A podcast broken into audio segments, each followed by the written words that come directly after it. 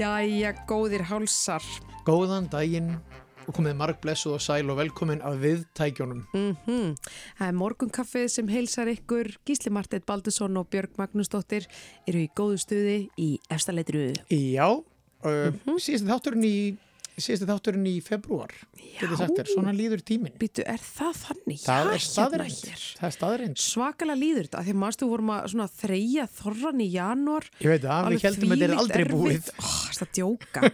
Allt svart þegar maður vaknar og bara, þú veist, erfitt að hérna, hefði þetta einn en núna bara, það er ekki lengur, ha, það er orðið bara bjart. Bjart sjálfsagt og- það er sennilega aðeins dimmara en þá fyrir norðan einmitt. en það verður líka bjartar hjá þeim í sumar Já, nokkulega. Býtu, er Mars, Mars uh, sem er núna bara næsta leiti, hann er þið tillaði sem vormánuður, er það ekki? er það, Ekki- já? Eða hvað? Nei, er ég nú að tegja mig á langt? Sko, ég veit ekki hvernig veðustofan gerir þetta en ég veit til dæmis að veðustofan í alvöru flokkar september sem sumarmánuð Ok. Já, þannig að þeir eru svona með kannski aðra Júlí, flokkun Mm, Ég myndi Áhugavert. aldrei flokka neitt sem sumarmánuði nema bara júni, júli, ágúst já. Já, og þá væri vor væntanlega bara april og mæ Já, Er einmitt, jú, jú, jú. Já, já, nema hvað. Þetta er síðasti þátturinn okkar í í februar. februar, en Og við hann- munum halda ótröð áfram í Já, mars já, já, nákvæmlega sama, hve- hvernig sá mánuður er skilgrindur. Já. En uh, það er svolítið sérstakur dagur í dag. Já, að því leiturum til að hér er við erum byrjuð að brasa. Rétt. Við Þá- erum sko þetta þátturinn ber nafn með rentu í dag. Rétt. Það er nefnilega bara þannig að hér hjá okkur stendur uh, professional kaffibarþjótt Njall, verður velkomin Takk fyrir. Ertu byrjaðar að hérna Ertu byrjaðar að hræra eitthvað í þessu? Við erum að mala hérna í ferðarkvörnindi. Þetta er mjög skemmtilegt Ef við ekki að, við að renna einu lag, lagi á fóninn Já. meðan, að, meðan að við klárum að mala og svo ræðum við aðeins við njál um það í hverju galdurinn er fólkin Já, þetta líst mér vel á og þó svo að þessi kannski ekki sko sungið um kaffibönir þá er sungið um fræ í þessu lagi Einmitt. Þetta er lagið Til eru fræ með Benna Hem Hem, gerir svo vel.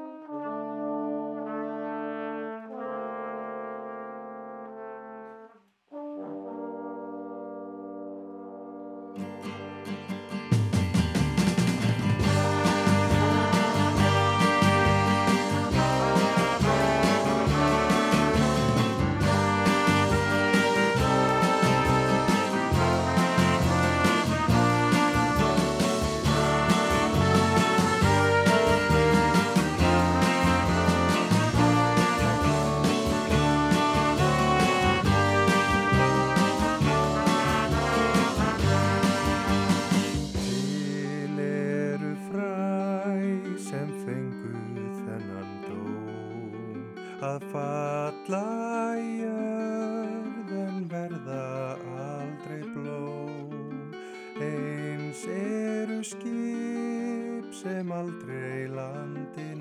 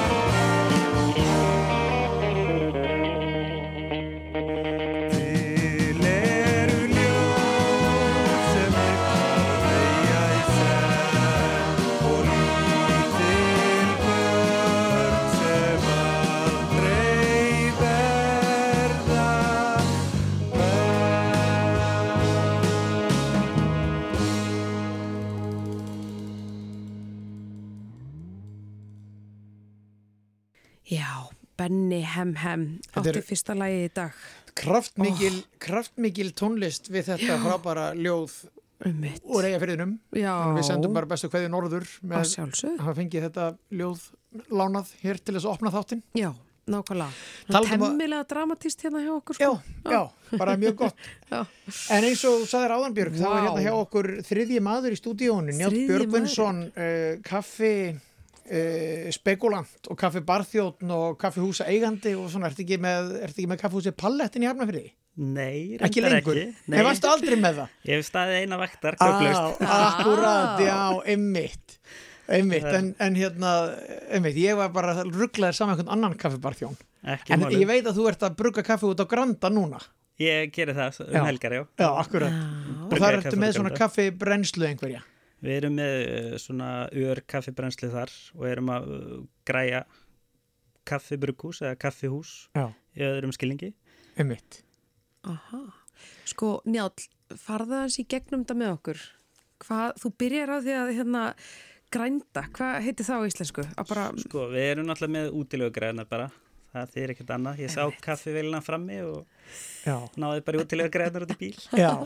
Og þetta er, þú ert bara, þú ert bara með gamaldags uppáhellinga eiginlega. Við erum með bara gamla góða útilegukaffið Já.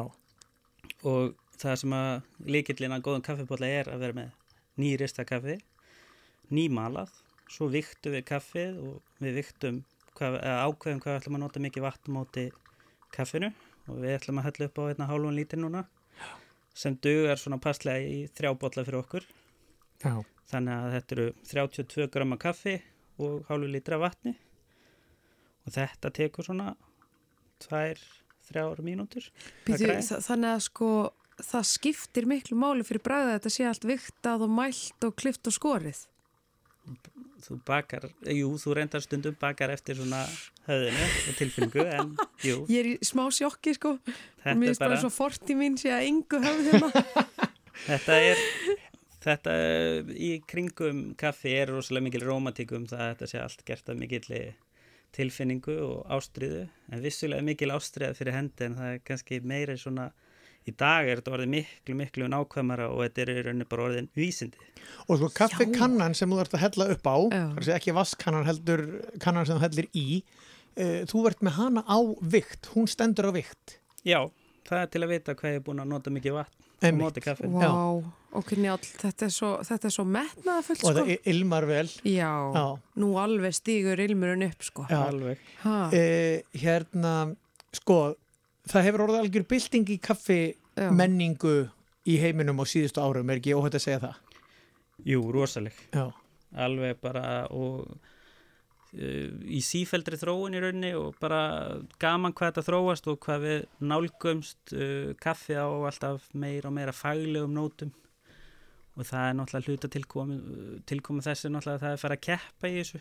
Þannig að það verða til staðilar og það verða uh, í rauninni þessi þróun sem á sér stað í kringum keppnirnar að hún smitast út á kaffihúsin kaffihúsin taka upp þessa staðala vinna eftir þeim og þjálfun og starfsfólkinu er í rauninni bara keppnistjálfun, grunnþjálfun fyrir kaffibarþjón er í rauninni bara lítil.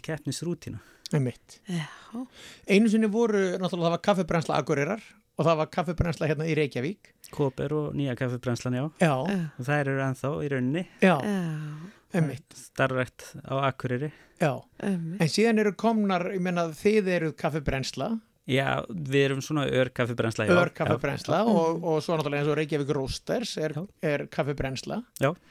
Þannig að hérna er ekki orðið svolítið þannig að þeir sem eru að taka sér virkilega alvarlega í þessu, þeir brenna sitt kaffi sjálfur, er það ekki daldið? það er náttúrulega sko það er rosalega romantík að brenna sitt kaffi sjálfur Já, En það er þannig ertu komið með annan lið sem að er flækjustig, það eru innkaup og það er að rista, vera Já. með stöðuleika, geða eftir lit, afhending, þetta er, þetta er mörg skref já, einmitt. og þetta er, þetta er vissulega romantíst en kannski ekki hérna það, um, hvað maður að segja, það væri æðislegt ef öll kaffihús getur rista kaffi sitt en það er bara ekki er raunveruleikin. En í hvaða skrefi erum við núna, Njál? Við erum eiginlega bara í skrefuna að fara að kjamsa á þessu æðislega súmatra kaffi. Var- Bam, bam, Og við bam. talandi um það, þú nefnir þetta hérna, súmötru kaffi, sko, hérna, við vorum hérna með Bubba Mortens í þættinum og á öðrum ólöstuðum hefur hann sannilega verið mesti svona, Vá. uh, verið hvað krestnastur á kaffið sitt. Hann segir bara, hann drekkur ekki kaffi nema þessi rækta bara ofarlega í drekkunni og bara eitthvað, ég veit ekki hvað. Þetta var svo rosalegt svar. Já, og Já. hann vissi alveg greinilega hvað hann var að tala um. Já. Uh, hvernig, er, hvernig er með það? Skiptir ekki máli hvar bönirnar eru tíndar og hvernig þeir eru tíndar og, og, og allt það og, og eins líka að það sé gert á, á sko siðferðislega ásættanlegan hátt Jú, það eiginlega skiptir bara allt máli. Það er sagt, þetta kaffi til dæmis kemur af e, hásléttum súmutru og það sem er til dæmis sérstakt við þennan botla er að e, á, hluti af innkaupsverðinu rennur beint í sjóð e, til þess að berga órangútum. Og þetta er, er samstarfsverkefni sem áttu við með bakkalúti fyrir jólin. Ah, var bakalúti hljómsveitinni Já. vá. Sko Já. Guðmundur Pálsson er náttúrulega sérstakur áhuga maður um órangúta, veit ég, að því ég vann með honum í mörg ár. Já, Já. það passar, þetta náði honum Æðislegt. ég hitt hann hérna mitt fram með hann þegar ég var að ná í Öss. en heyrðu sko, njál, þegar maður er að því nú ætlum við að fara að drekka Já, þetta ég er svo spennt. maður er bara stressaður, á maður að drekka þetta á, á ákveðin hátt Á ég að eða- með spekingsvip framan í mér. Ég er það bara að drekka bólan eins og finnst það Það er svo skemmtilegt við kaffi er að við höfum Ah, okkar Njál, morgun rútinu skál. þetta er bolli Þú ert alveg með þetta. hvernig myndir þú lýsa bræðuna af þessu kaffi? Þetta er vel fylltur bolli með smá Já. sýrni og það sem er öðruvísi við þetta með svona venjulegt súmandrakaffi er að það er ekki mikið svona jarðabræð það Einmitt. er svona smá netur samt sem öður Já, og eins og segir, það er sýrni smá sýrni hann er sko. ör, einmitt, það er örlítið súr Já.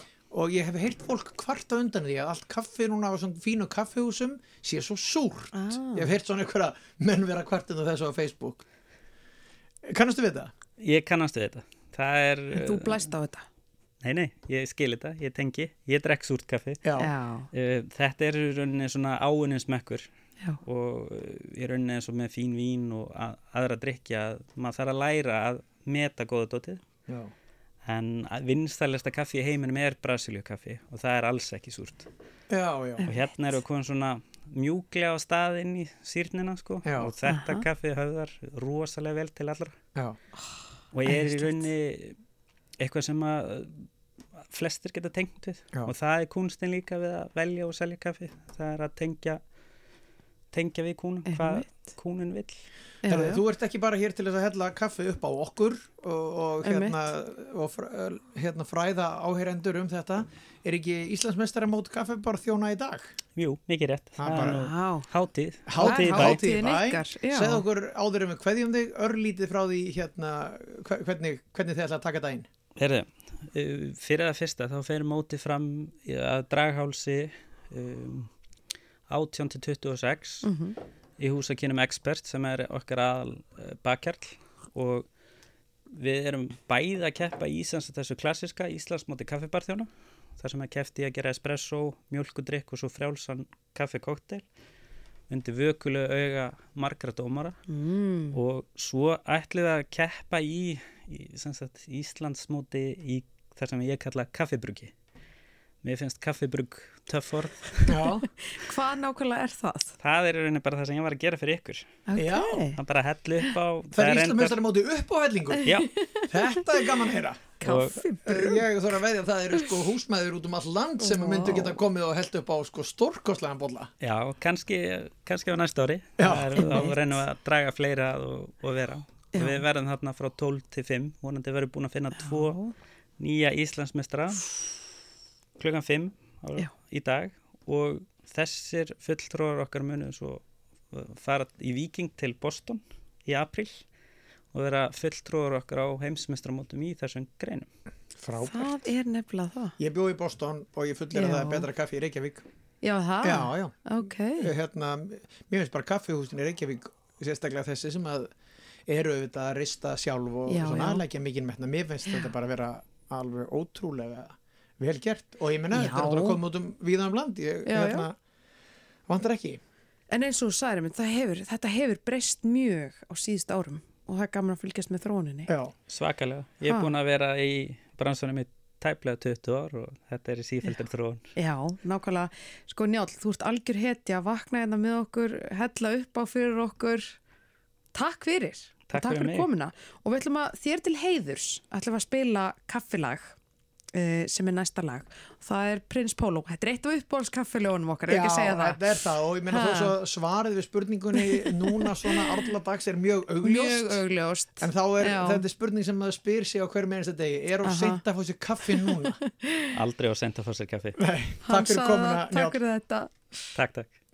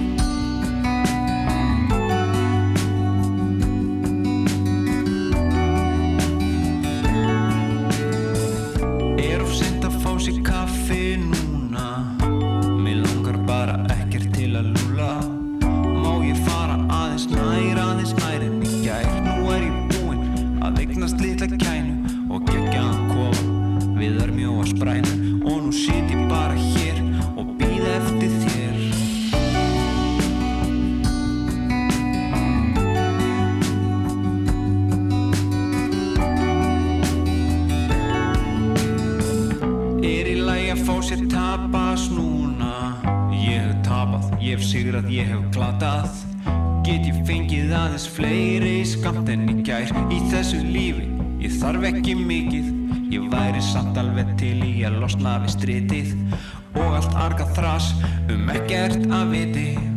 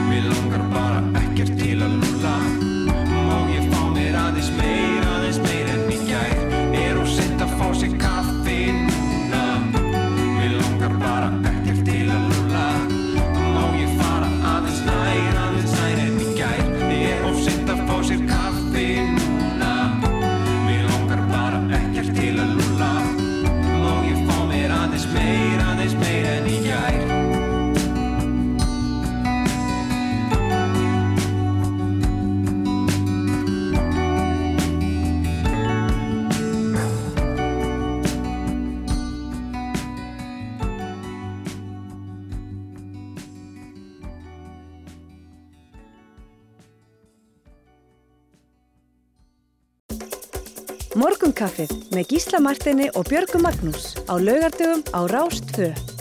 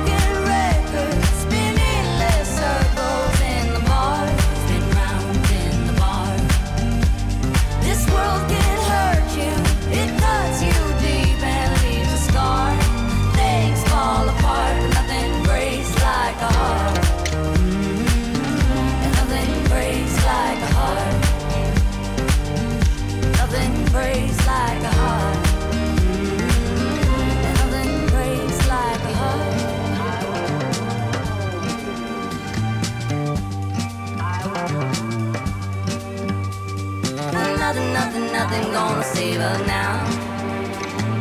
Nothing, nothing, nothing gonna save us now. With this broken silence,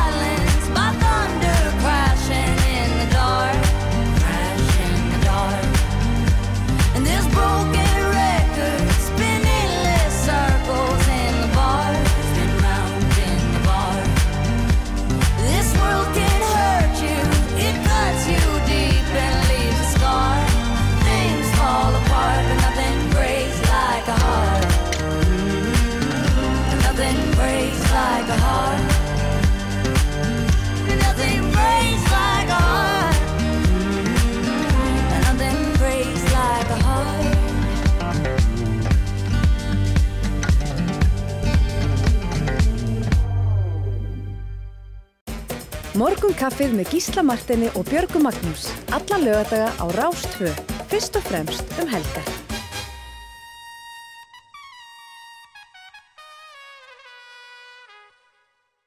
Það held ég, verið velkomin aftur að viðtækjónum, góðir landsmenn. Þetta er bara formlegt og gott hérna. Já, já, já, morgunkaffið er í svaðalegu stöði eftir kaffi, sopan e, í morgunsárið. Ég er ekki hægt að semja við hennan mann bara... Það koma enga alltaf. Já, Jú, vakna það. með okkur og lögata smótnum. Ég veist að maður er eitthvað ríkt fólk í útlöndu sem er einmitt með svona bara einhvern.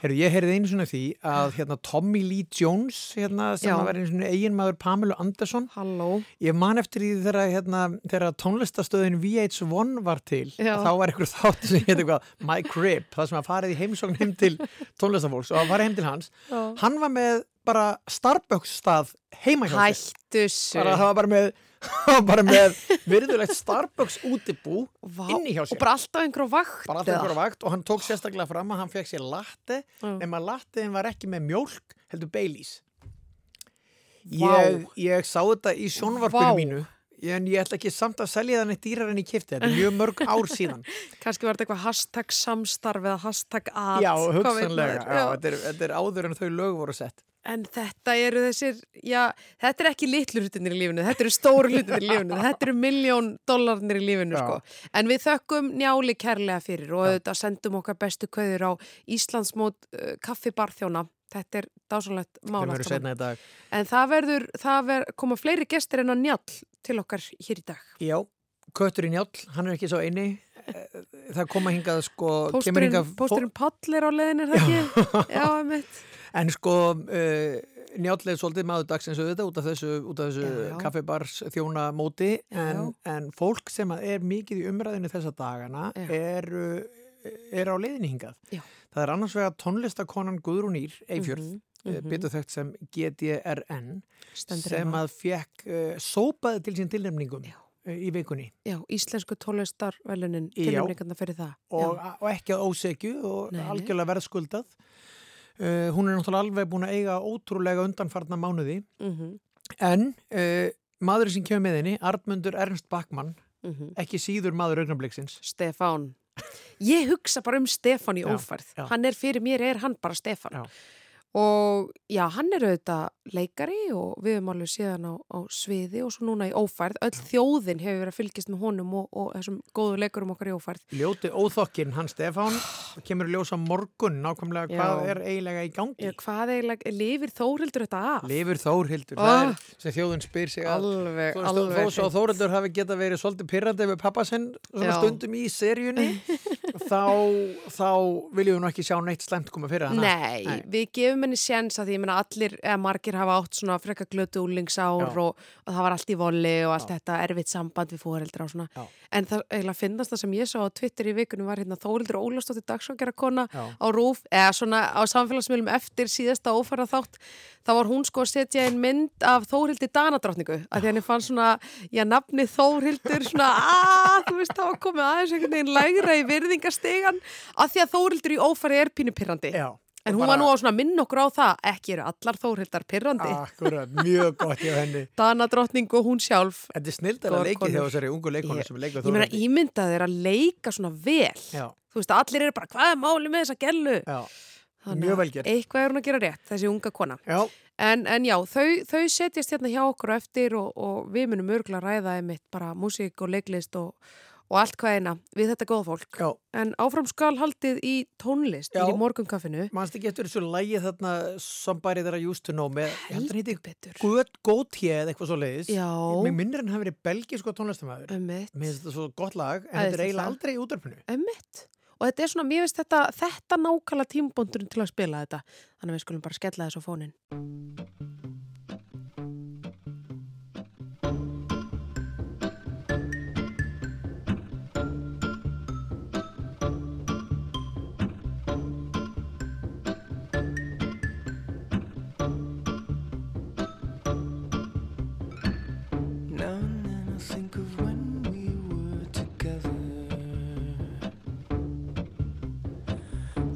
You said you felt so happy you could die. I told myself that you were right for me, but felt so lonely in your company. But that was love and it's an ache I still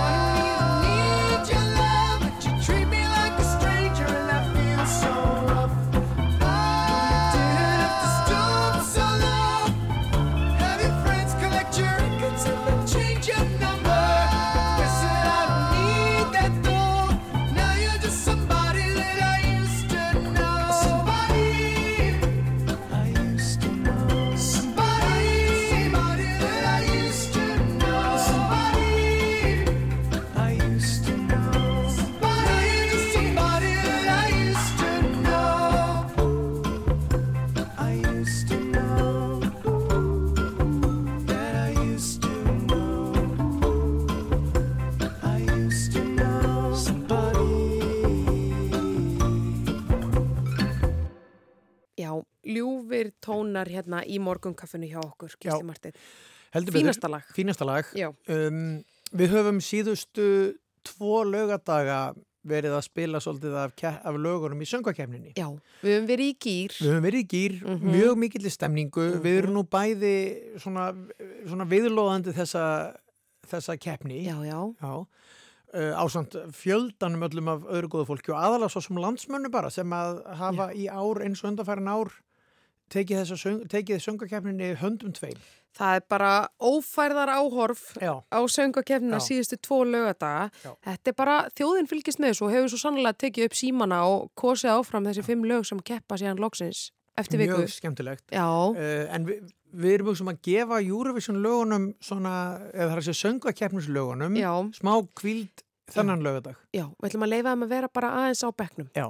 En það er meðal annars vegna þess að það er í, fyrir Eurovision, eða fyrir söngvakeppnis aðdáðundur, Mhm. þá er náttúrulega þáttur í sjónvarpinu í kvöld. Já, þar sem að verður svona farið aðeins yfir þessi fimm lög og svona aðeins verið að kynda, kynda upp stemningu. Algjörlega, Já. álitskjafar og, og keppendur sjálfur, við ætlum að fá að fylgjast, eða svona kynnast þeim aðeins betur. Já. Hvaða fólk er þetta sem stýður hérna svo í höllin eftir viku? Þannig að fáir sem að þekkja orðið þetta fólk betur en þú. Já, það er, Þú ert þarna með þeim í græna. já, já, Og- maður fær að sjá þau þarna á sínum viðkvæmustu mómentum. Já. Nei, ég segir Nei, nei, ég veit, þú gerir þetta Já. skemmtilega því að, að því að það er ekkit alveg auðvelt örgulega að fara beint úr af sviðinu í viðtal, sko.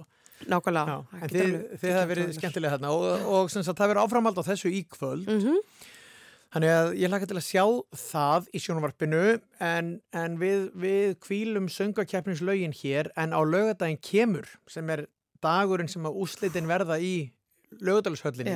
Þá gefum við, þá gefum við engin grið. Engin grið, Nei. engin afsláttur, þá verður bara Við erum hérna... að spila þessu lög alveg svoleiðis í drep.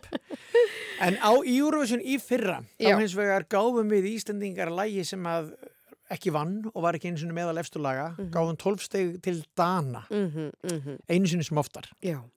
En að vísu var var- að, já, hvað segir Nei, það var bara svo ógeðslega skemmtilegt mástu að því að í danska framlæginu sem við erum að fara að spila hérna rétt Mhm. eftir það var eina lægi þar sem íslenska heyrðist á sviðinu í Lissabon í fyrra bara taka stökk til hærri jörð rétt, þú Já. manst, ansi manst þetta vel. Ég gerði fréttum við það, ég var að núti og við Já. vorum að núti að fylgja þessu eftir en, en hérna, þetta voru miklu vinnur okkar Og þetta var sko fyrsta íslenskan sem heyrist á Eurovision sviðinu síðan að Eithor Ingi söng Ég á líf. Alveg Af því að öll okkar framlög hafa verið á ennsku síðan, aldrei með neitt- neittni íslensku í og hérna, og síðan sem sagt, já, En svona treyðu Dani sér 12 steg frá okkur Já, með, því að, með því að koma þarna með íslenska setningu. Já, og sko bara þjóðinni vegna þess að Einmitt. valdi sko austuríska lagið. Alveg rétt. Hann César, Já. hann var nú líka aðeins hann var alveg góður, Já. hann endaði þriðja sæti í fyrra, ef mann rétt, Já. en, en, En vann domnemdar sko hérna atkvæðagreisluna, hann César frá Austuríki stundum er þetta nefnilega svo misjátt já, en, en, en já, það er þetta danska framlag. Þetta Já. er auðvitað þessi sameigilegi vikingarfur okkar hérna Norrlanda þjóðana já, og það er spurningum að hérna, skella þessu bara í loftið. Þetta er samt svona eitthvað svona, þetta er eitthvað Game of Thrones vikingabland. Já, það er eitthvað vikingablæti en ég held að sé líka eitthvað svona, það er eitthvað sagfræði og, og, og vikingurinn sem vildi bara vera bóndi, vildi Já. ekki berjast. Æ, þú veist, það er með eitthvað svona einmitt, ég Já, já, og þeir eru þetta. mættu með vikingaskipið til Lissabon. Þetta er lagið Higher Ground og það eru Danir frændur okkar.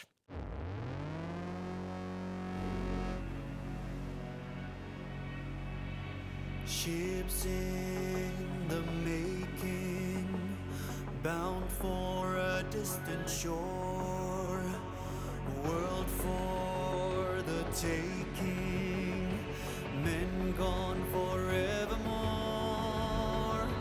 boarding and setting sail, yet victory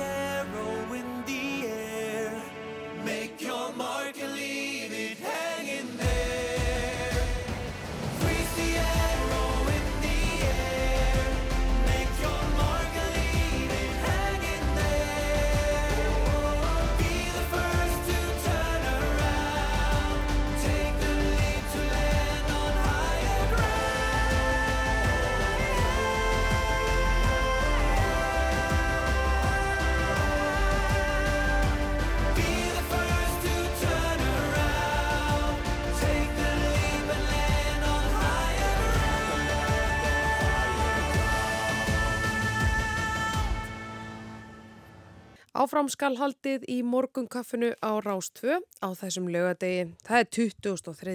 februar. Líður svo rætt maður? Já, já, heldur betur. Já. En, hérna, en það er nú bara ágætt. Janúar og februar Já, geta verið erfiðir fyrir marga sem eru viðkvæm fyrir skamdeginu og svona, að Já, megið þeir bara koma og fara sem hraðast. landið er að rýsa, skulum við segja. Já, Er, við vorum að ræða hérna áðan um, um uh, okkar ágæta vin í þessum þætti Bubba Mortens. mm hann var gestur hérna hjá okkur. Mástu hann kom með gítarinn og söng hérna Kim Larsen. já, Alveg bara. Og bara svo, hann er svo ógeðsla flottur performer, sko. Smukki unge mennesker ef maður rétt. Já. En hérna, en hann sem sagt, ég með þegar hann var gestur hérna, þá talaði hann svo mikið og fallega um kaffi. Mhm. Því að það er bara, hann náttúrulega eins og fra- alþjóð veit, er, er hérna, er bindindismadur á, á hérna, á, á öll þessi efni sem að hann áður var að fykta við. Já, já. og, og hérna og sem sagt uh, lætur koffínið núna vera svona sitt fix ef ég má sletta því en, en lægið Afgan Já. fjallar beinlínis um cannabis nýstluna hans Einmitt. og ég er nú bara svo blöytur bak veiruna, ég vissi aldrei hvað, hvað svartur Afgan var Nei, einmitt. Ert þú klár á því? Ég er ekkert, nei, ég er ekkert alveg með þetta á lási, sko. Nei, ég man eftir þessu sko úr árumótaskaupi þá Já. var einhver, einhver tollverður að taka á eitthvað svartur afgan uh, eitthvað, nei, svartur Nepal uh, rauður Opal þetta var eitthvað svona, þetta var eitthvað brandari um það nöfnin sem sagt á þessum þessu hassi. Já. og ég fór nú bara á vísindavefin Já, til þess að eitthvað tekka á, á þessu hvað Afgan er.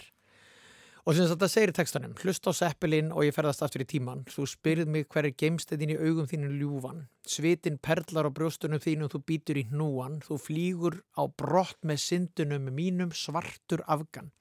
Og vísindavefurinn segir bara svartur Afgan dregur nafnsett af því að hassið er ræktað í Afganistan er svart á lit. Já, afganst hass er handpressað. Þetta er bara, þetta er einhver svona þetta er mikil, mikil hipster að vara. Já, og tei eða vatni bætt við og svo er það geimt í formi hasskúlna til þess að það varveitist vel. Ég segi nú bara eins og sagt í bandarísku sjónvarpi ekki prófa þetta heima. Ég býð nú bara eftir einhver íslensku rappari fari að, að hérna, rappa og syngja meir um þessar aðferðir. já, en þetta er sem sagt lagið svartur afgan sem að, sem að Bubbi mátt ekki skýra svartur afgan og heitir þess vegna bara afgan en lagið er frábært og auðvitað ekki ætlað til þess að menn fara að leika eftir neyslu þessar Nei. ágætu vöru Nei, nei, fari bara frekar í kaffið eins og Bubbi já, já.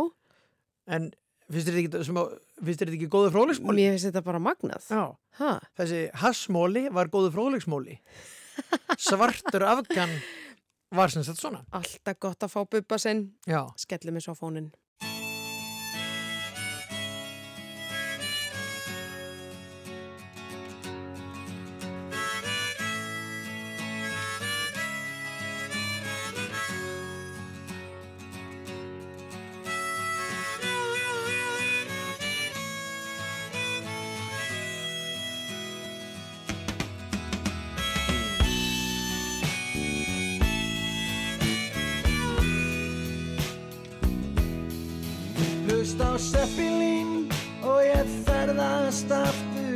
Aftur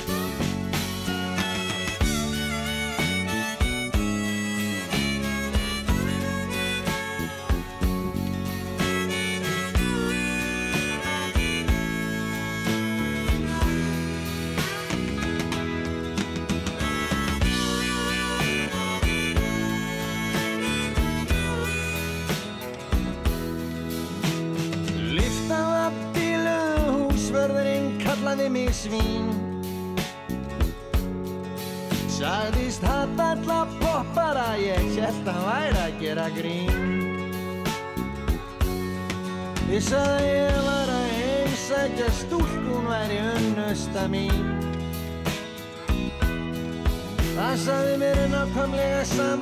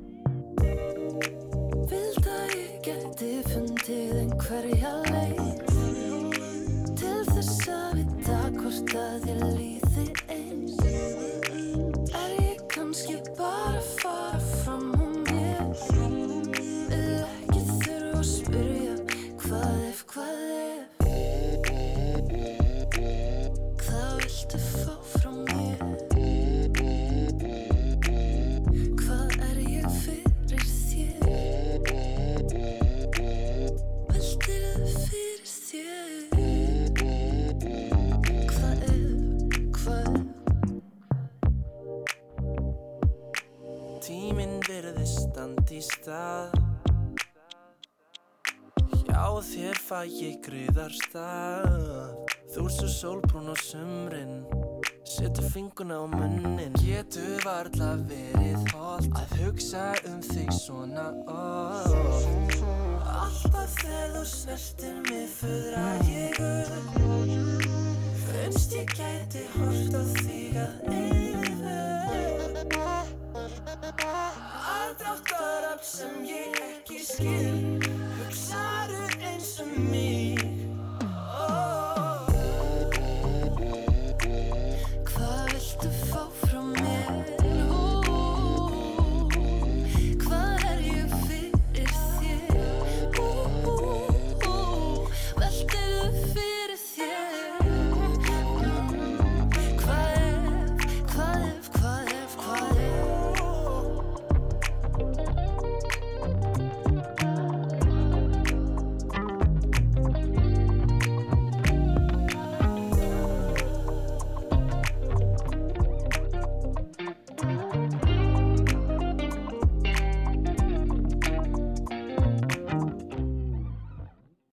góðlustendur, þetta var hún Guðrún Ír eða GTRN eins og við köllum hana nú alla jafna. Já. Og lagi var hvað ef? Þetta er Æði- stór spurning. Titillag plötunarinnar sem er Já, tilnefnd alveg í spað Alveg í spað? Já, fyrir Íslensku hérna tónlistarverðlaununum. Já, hún kemur hérna eftir og svarar fyrir það Óhó, óhó. Ég fyrir yfir hún þetta ár með okkur sem er, er að líða hjá henni magnað ár Já. og allar þessar tilmningar sem hún stendur uppi núna með í, í hérna, já, svona fyrir þessa hátíð allavega þetta er gríðarlega góður árangur. Já, og allt, allt svo verðskuldað, ég meina hún er ekki Já. nema 21, 20 ára Einmitt. og hérna og bara svo gaman að, að því að hún er, það er ekki eins og þú veist eins og út í heimi er svo oft þannig að það kom einhverju nýjir söngar eða söngkonur sem að einhver semur ofan í þau allt saman en Einmitt. hún er bara, þú veist tónlistakona sem gerir allt sitt frá grunni Einmitt, spilar á fullt af hljóðförum sjálf Já. og er að menta sig í þessu Já. svo finnst manni einmitt, hún er eitthvað svo þroskuð Já. finnst manni og við skulum sjá hvort að það reynist rétt til hún þegar hún svarar hér spurningum Já. hvort hún verið fullkomlega óþróskuð í svörum Einmitt, en hún er sérst á leiðinni til okkar sem og hann Artmundur uh, Ernst Backmann Já. Eða öðrunafni Stefán í ófærð. Bjövitan Stefán, Ó. Bjövitan Stefán. Kom hann að svifti af sér hulinni í síðasta þætti Já. á þessum bíl hann að Já. Herru, við sjáum, við sjáum reyndist hafa verið sko úlfur í söðagæru heldur betur. Er- undir fögru skinni Uss, þetta er nefnilega alltaf þessi karakter, maður var einmitt fólkið sem kom til þín í ófærastofu, maður er alltaf að leita þessum karakter sem svona hefur verið ótrúlega saklis allan tíman en, en hérna svona leinir grunlega á sér. Það Það voru nú nokkri búin að skjóta á hann. Já, já, það var, hann var svona, hann var sterklega grunaður en kauffélagstjórin líka og svo náttúrulega er ekkit einu sem komið í ljós nú þegar hvort að hann hafi Ah. Einhvern Og á Stefán sér vitorsmenn. Já, einmitt, það er góð spurning Uh, já, einmitt. Við fáum kannski einhver fleiri svör á morgun. Ég, ég vona það, það er síðustu þátturinn Já, Það er eins gott að það verði Einmitt, það þarf að sauma þetta allt Það var saman. náttúrulega rosalegt ef það myndi enda á svokölduðum cliffhanger eða hérna, bjargbrún Einmitt. en, Já. hérna, en já, já, það vonandi kemur í ljós og, og við kannski reynum að þýfka Arnmund Ernst eitthvað aðeins um þetta Heldur betur. Já. En Gísli, þú hlýtur að hafa, já, hoppað hæð þína af kæti. Þegar þú last svona um það að það væri verið að íhuga að reysa stýttu af tinna og hundinum hans toppa uh, við torfunisbryggju fyrir norðan. Já, mér fannst þetta dálítið skemmtilegt sko, að því að hérna að því að uh, sko Akureyri er eina borgin á Norðurlöndunum sem að Tinni heimsótti Já, er það virkilega? Já, hann kom aldrei Ó. til, uh, til hinna Norðurlandana og Akureyri er eini bærin á Íslandi sem hann heimsótti, hann kemur á skipi bara frá Belgíu og Já. fer beint þangað og leiðinni hérna norður eftir Já. og í mannleg þegar maður lasi þetta í gamla daga þá, þá held maður hálfpartin að því að bækuna voru svona staðfæriðar þú veist, þannig að það voru, var fullt af íslenskum kennileitum og, og nöfnum sem komu fyrir í bókunum en var bara einhver staðfæring. Veist, það minnst á hveragerði og eitthvað svona Já. en það er það bara í þýðingunni en Akureyri var raunverulega þarna. Ah, og hérna, Áhugavert. já, en þú veist, þegar maður var að lesa þetta þá gat alveg verið að Akureyri væri sko staðfæring líka en, en Einmitt. síðan náttúrulega er það ekki En byrju, væri spilaði Akureyri eitthvað hlutverk í sögunni eða var hann á leiðinni, þú veist, hvað, norður sko, eða... Já, einmitt, þetta er, þetta er í dulöfullu stjórnunni þar sem Já. að lendir loftsteinn eða brotur, brotur loftsteinin lendir í hafinu fyrir norðan Ísland Já. og hérna Tinni og Kolbjörn og Toppi eru leiðinni þangað í vísindarleiðangri og komum við Akureyri og þeir segja meiri sé í hérna frönsku, eh, frönsku útgáfinni sem uppbörlega textanum segja já, nú siglu við inn Eyjafjörðin og svona. Þannig að Herge hefur alveg verið hérna með eitthvað landakort og eitthvað.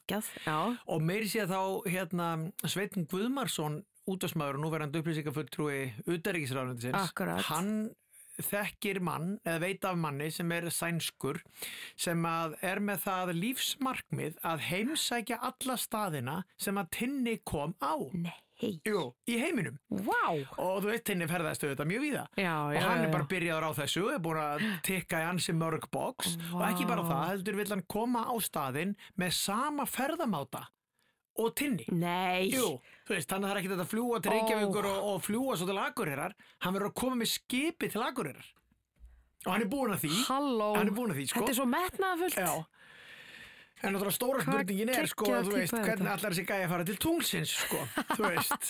Það stýttist nú í það. Já, gæti verið, Er sko. ekki? Og hann er að vinna í alvöru hjá magnað. okkur geimferðarstofnun, sko, þessi náungi, þannig að það er hæg heimatökin. Það eru hæg heimatökin. En þetta sagt mál var rætt uh, uh, hjá stjórn Akureyrastofu. Já. Hvort þessar stittur eða stitta muni, muni rísa af tinna og toppa. Það er spurning hvernig framhaldi verður. Ég, sko, ég vona þetta verið gert og Já. verði bara í fullri stærð og helst í litum auðvitað og svona. Ó. Þeir eru líka svo flott klættir nú Akureyri. Þeir eru svona alveg svona þykkum einhverjum pelsum og hérna, og svo náttúrulega frægsenan þarna að, að, að þeir hitta þetta fyrir gamlan félaga Kolbeins Kaftins sem að segja, heyrðu ekki fara hérna á barinn? Og þá var náttúrulega einhver svona, er einhver svona knæpa niðri við höfnina. Jú, jú. svona hafnarkrá og þeir fara og þá segir þessi félagi Kolbeinn, heyrðu vest að þú sétt hættur að drekka? Sem að Kolbeinn var hættur þarna en var ekki alveg sáttur við að vera hættur. Það var þess sem heitir að vera á nefanum Ah. nema hann, hann sem sagt uh, það er panta sótavat fyrir hann og, og Tinna. Tinni drekkur ekki.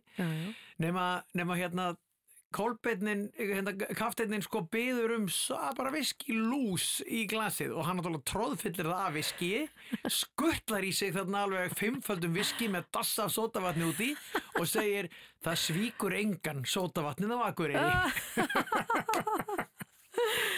Þetta er alveg Þannig að það verður þetta markast þetta sótavatn meðfram Vá. þessari styttu. Já, þetta er stór skemmtilegt. Já. Vi, við styðjum þessa styttu Já. og hvetjum Akureyrastofu til að láta verða þessum uh, hugmyndum. Algjörlega. Þetta er æðislegt. En við ætlum að spila lag uh, sem tengist þessu svolítið. Já, það sko, það er hljómsveit sem heitir í höfuðið á skafta og skafta.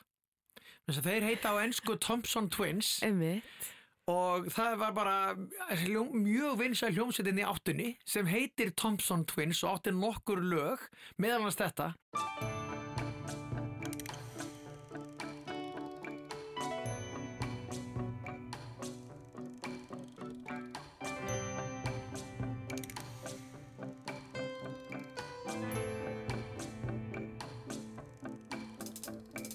I have a picture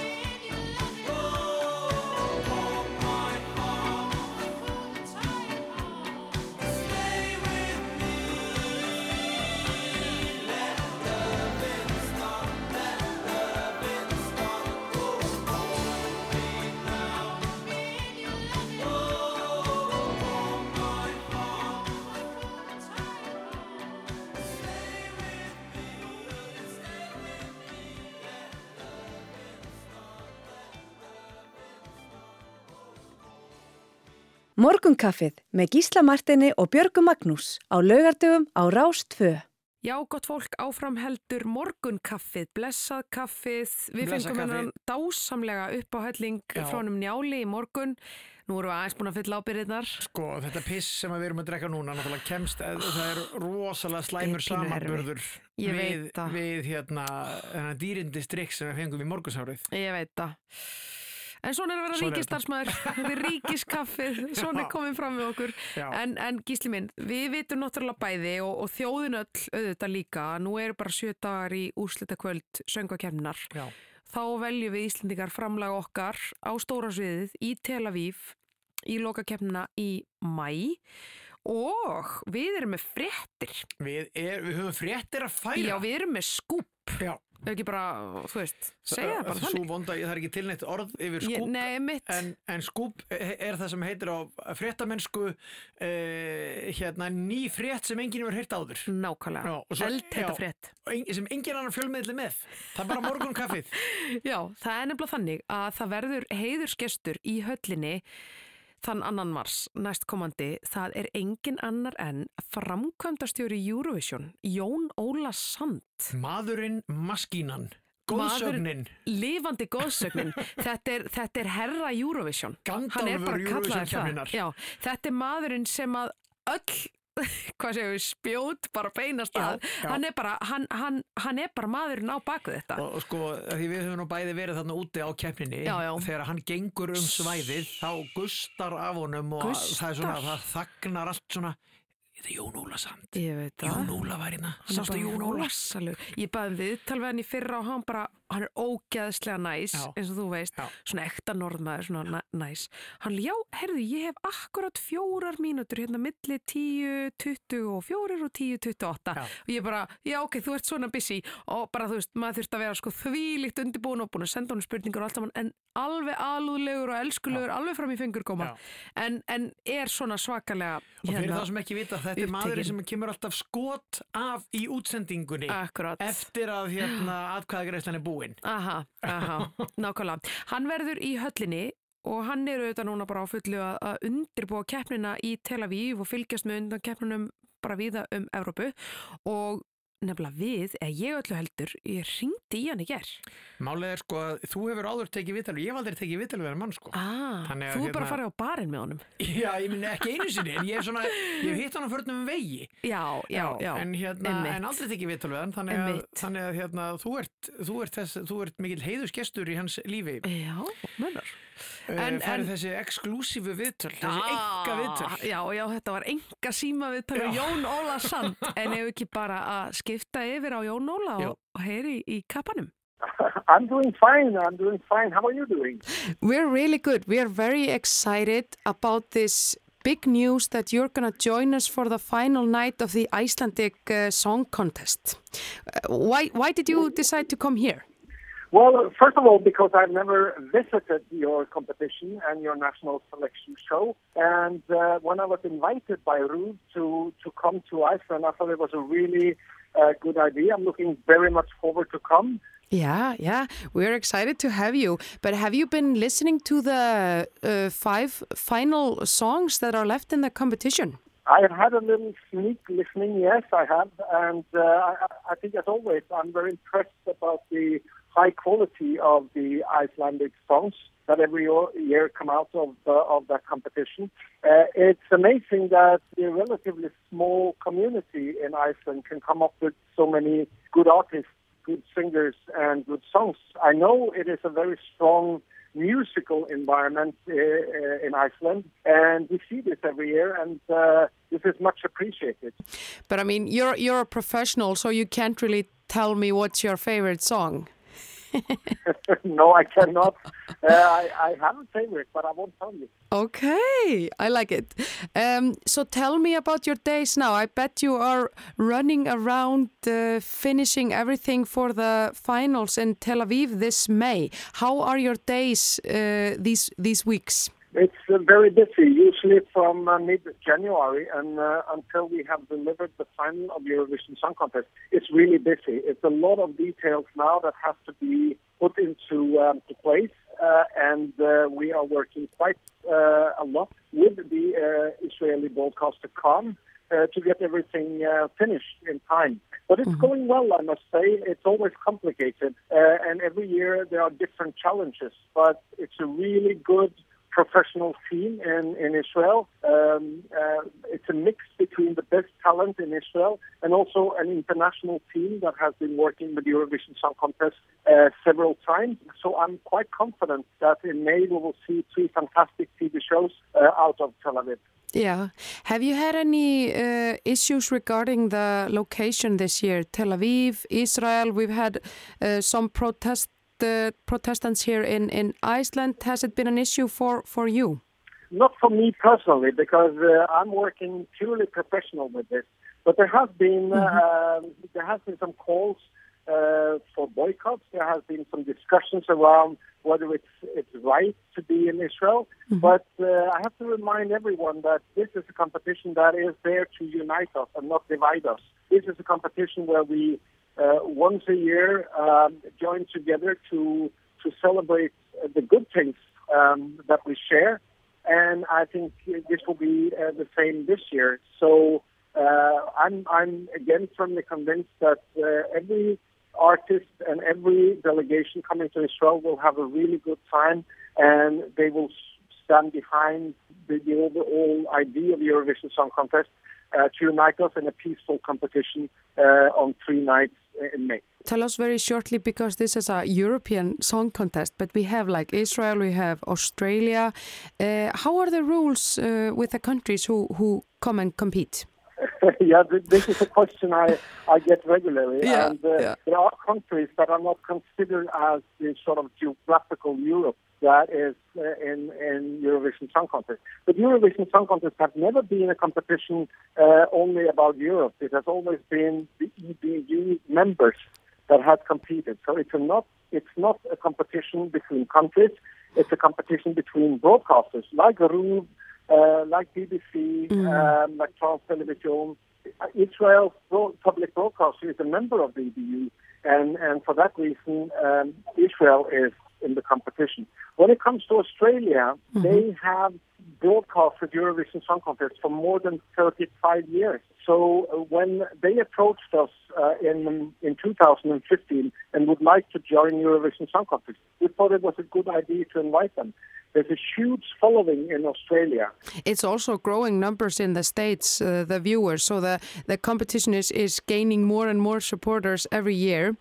But um, Jónola, you, you said in an interview with me in Lisbon last year that Iceland would win the competition one day. Do you think uh, this is this is the right time for that? Are we going to win this year? It would be it would be great to host the Eurovision Song Contest in Iceland. I really, really would would look forward to that. Uh, it will happen one year. If it is this year, we don't know, uh, and I'm very, I, I would certainly not know at this point uh, who the winner will be. But one day, uh, Iceland will win the Eurovision Song Contest, and it will be hosted in Iceland, and uh, I'm looking forward to that. It will be great having you here. Do you have any special uh, mountains you're going to climb or, or, or pools you're going to visit? Let's see. Uh, um, I, I, I will first of all be attending the uh, the selection show. Of course. Um, but I will I will for sure have a look around in beautiful Reykjavik and, and the surroundings. But for sure I will have time to meet with the colleagues from RU um, and hopefully meet some of the artists also um, before or after the show.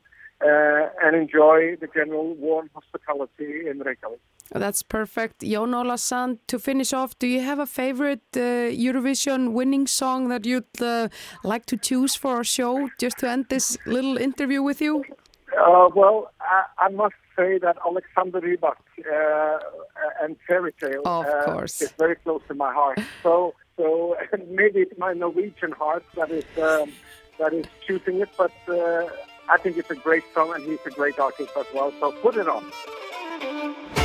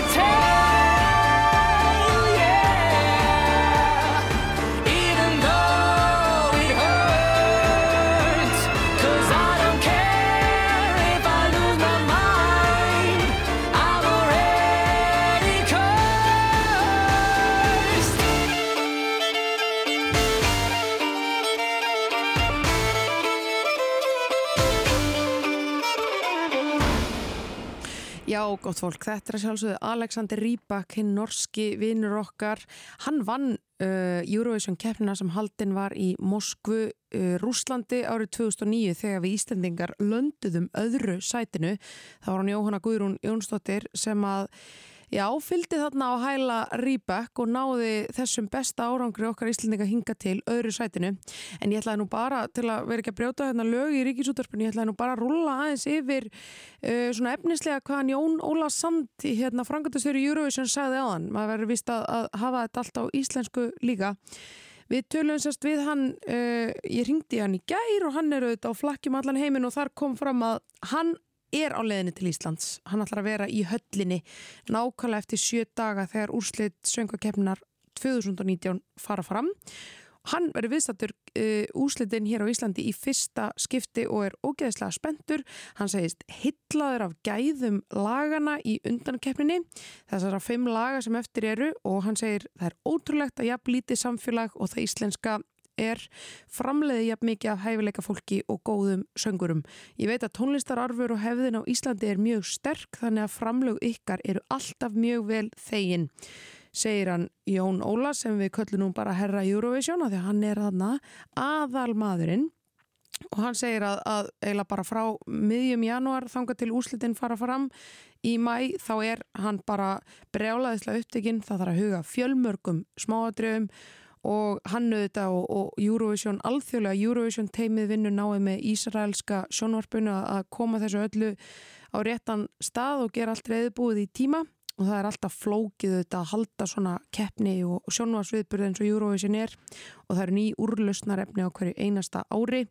Ísraelska teimið er hins vegar faglegt sem og alþjóðlega Eurovision teimið þannig ég er sannfærður um að við munum framlega frábæra sjónvarsviðburði í mæ og ég spurði hann líka aðeins út í þetta að það hefur eitthvað svona verið um mótmæli og einhverju alltaf sniðganga keppna í ár vegna staðsendingar hennar í Tel Aviv og hann segir svona að, að svo umræða hafi ekki kannski haft áhrif á, á hann persónlega því hann er fyrst og fremst að vinna á þessum faglega grundvelli. En hann segir en jú, einhverju ætla sér að sniðganga keppna vegna þess að hún er haldin í Ísrael. En ég vil minna, á, all, ég vil minna alla á að keppnin er haldinn til þess að samina en ekki sundra. Einu svona ári komum við saman og fögnum góðu hlutunum sem við deilum og ég held að það verði nákvæmlega þannig í ár líka. Ég er sannfærður um að allir listamenn og sendinemdir munu skemmta sér vel og standa heilsugur á baku hugmyndafræði Eurovision sem snýst um að saminast friðsamlega í þessari keppni í mæ og uh, hann, og svo náttúrulega er maður alltaf að pumpa hann hvenar vinnur Ísland þessa blessuðu keppni, hann vildi nú ekkert fullir það en hann, hann segir að við vinnum einn daginn, einhver tíman og nánar er hægt að lesa viðtal við hann Jón Óla inn á rúf.is en hér rétt og eftir GTRN og Artmundur Ernst Backmann fyrst þetta. Morgunkaffið með Gísla Martini og Björgu Magnús á laugardögum á Rást 2. Já, Gísli minn, það er komnir góðir gestir í stúdíó. Já, Það er ótt að segja það. Við erum búin að vera að tala um þau hérna í morgun Já, já, já, já. og, og þau eru loksins komin til. Já. og þjóðin hefur nú líka bara verið að tala um þau bæðið aldrei mikið. Já. Ha. Þetta er, þetta er fólk augnabliksins getur við sagt uh, Arnmundur, Ernst Backmann og Guðrún Ír Eifjörð er það ekki? Jú. Já. Stefán og GTRN. Já. Bara svona til að hafa þetta hérna á Stefán og ófærð og Já. tónlistakonan GTRN Já. Verið velkomin bæðið tvö Takk fyrir. Takk Gaman að fá okkur, eru þið í stuði? Í, já. Já.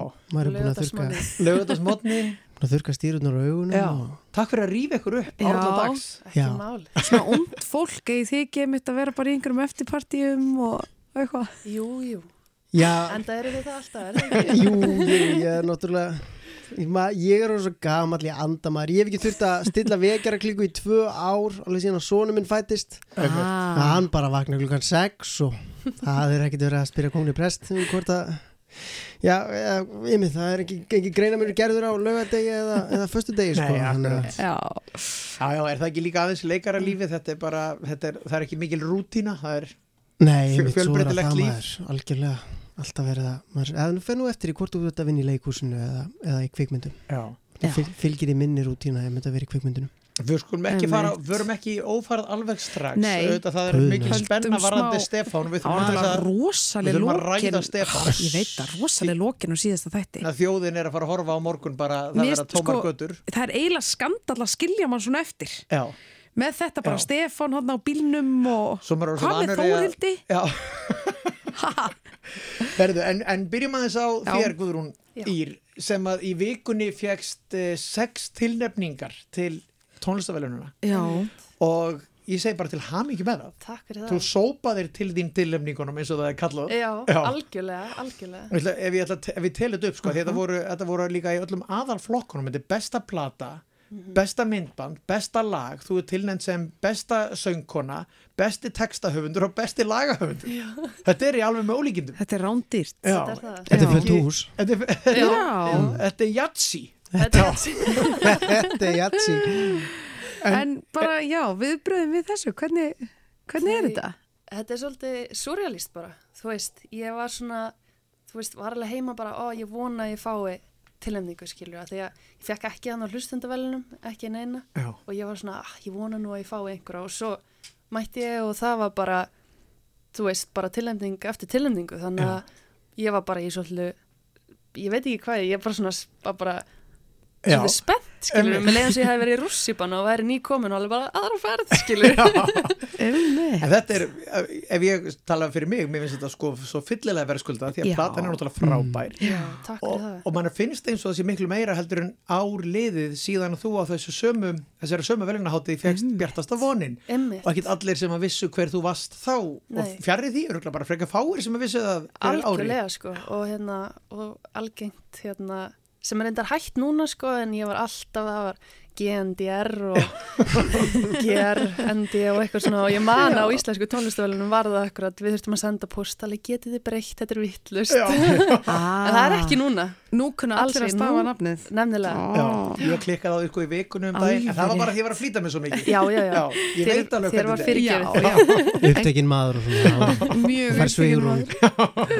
Ég verð þessi- eiginlega- já. ég ég viðkjanna sko að þegar þið tjáðu mér að, að Guðrún myndi koma hérna með mér í þáttinn þá var ég svolítið svona ég er svolítið starstruck sko. Ég, því að ég hérna sem sagt, mann eftir ég sá eitthvað YouTube myndband fyrir einhverjum einhverju ári rúmlega eða tveimur þar sem mást að covera lag eftir Loga Petru dúfan Já, mín. alveg rétt. og ég hugsa bara með mér damn maður. Því líka rödd. Það var Ég- mjög skemmtilegt skemmtilega Já. ábreyna Já, Akkurat. ég- ég og svo líka hafa hann samband þú veist, í kjölfar þarna þessara ábreyðinu til og, og baði mig um að vera á plötunni sinni með þarna nóttin Einmitt. Já, einmitt.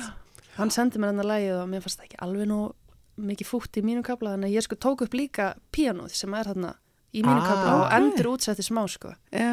Skemmtilegt. Já, einmitt að því að hérna, sko, fyrir utan að vera með þína eigin plötu, Já. hvað ef já, Mhm. þá ertu náttúrulega búin að vera á mjög mörgum plötum á þessu ári og gera alls konar, menna, hérna plötunni hans uh, Auður, Auðuns Mhm. Lúterssonar og hérna sem er líka mikið tilnefnd og, og náttúrulega plötunni hans Lóð, búin að vera að syngja með Flóna og þú veist, þú búin að vera með Birni og Birni, öllum þessum röppurum sko.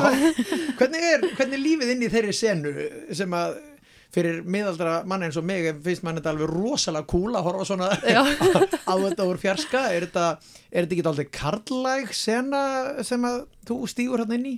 Jú, í rauninni sko, það mætti náttúrulega alltaf vera meiri þannig meira af hvernfólki þannig inn í seninu sko en að þessum rapparstrákum hef ég aldrei fundið fyrir einhverju svona þú veist, mótlæti að því að ég er kvenkins eða neitt og Einmitt. bara langt í frá, þú veist, Já. þeir eru frekar að reyna að upphefa mann skilur Gaman og þá að heyra. í rauninu út að hæfileikum líka bara ekki bara því að maður er kvenkins sko Nei, nei, nei. Mhm. og ég fæði þessu spurningu oft Já. og, og svona, ég fór eiginlega ekki að pæla í þessu fyrir en ég fór að fá spurninguna Einmitt. þú veist, að Já. ég hafði bara ekkit verið að lenda í þessu eitthvað svona, þú veist, nema þá eitthvað svona, hæ, hérna okkur vantar hvern mann að gigga og maður eitthvað, já, vantar ykkur mig eða hvern mann, það var svolítið spurningin en annars bara hefur manni verið tekið rosalega opnum örmum, Já. þannig inn í þessa senu Eru þeir ekki flesti líka óttalega lömp? Þeir eru nú- svo ljúfir, vitið það, fær maður, er, maður langar stundum bara að knúsa það alveg í klassu, sko. En að- maður heyri textana hérna, ná í eitthvað dóp og, og peningar og, og Já, allt þetta, já. þú veist. Einmitt.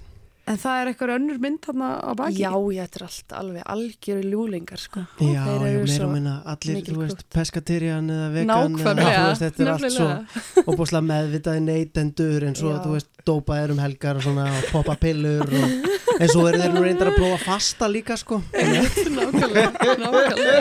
Þú veit eitthvað insight í þetta. ég, ég fengi að fylgja þessum strákum að, sko ég, ég og að segja frá því að Joey Christ. Jóhann Kristoffer og Mhm. Haraldur Ari við sko, við bjöggum saman þegar við erum Já. sko ungi drengir Já, við bjöggum ok. feður okkar saman sko og Nú, við deildum herbergi Já. þannig ég hef svona fengið að fylgja þessum strákum aðeins að sko. Byrju, sko, pappi þinn er náttúrulega leikari líka já, Já. einmitt Björn Ingi Hilmarsson og pappi þeirra Og pabbi þeirra, leikari Stefán og Jónsson. leikstjóri, já. Ok, ég veist það ekki. Að Akkurat, þannig að þið eru svona leikara börn sem að hafið þá Við náttúrulega- upp svolítið lið við við lið erum alltaf hinn mafían sko.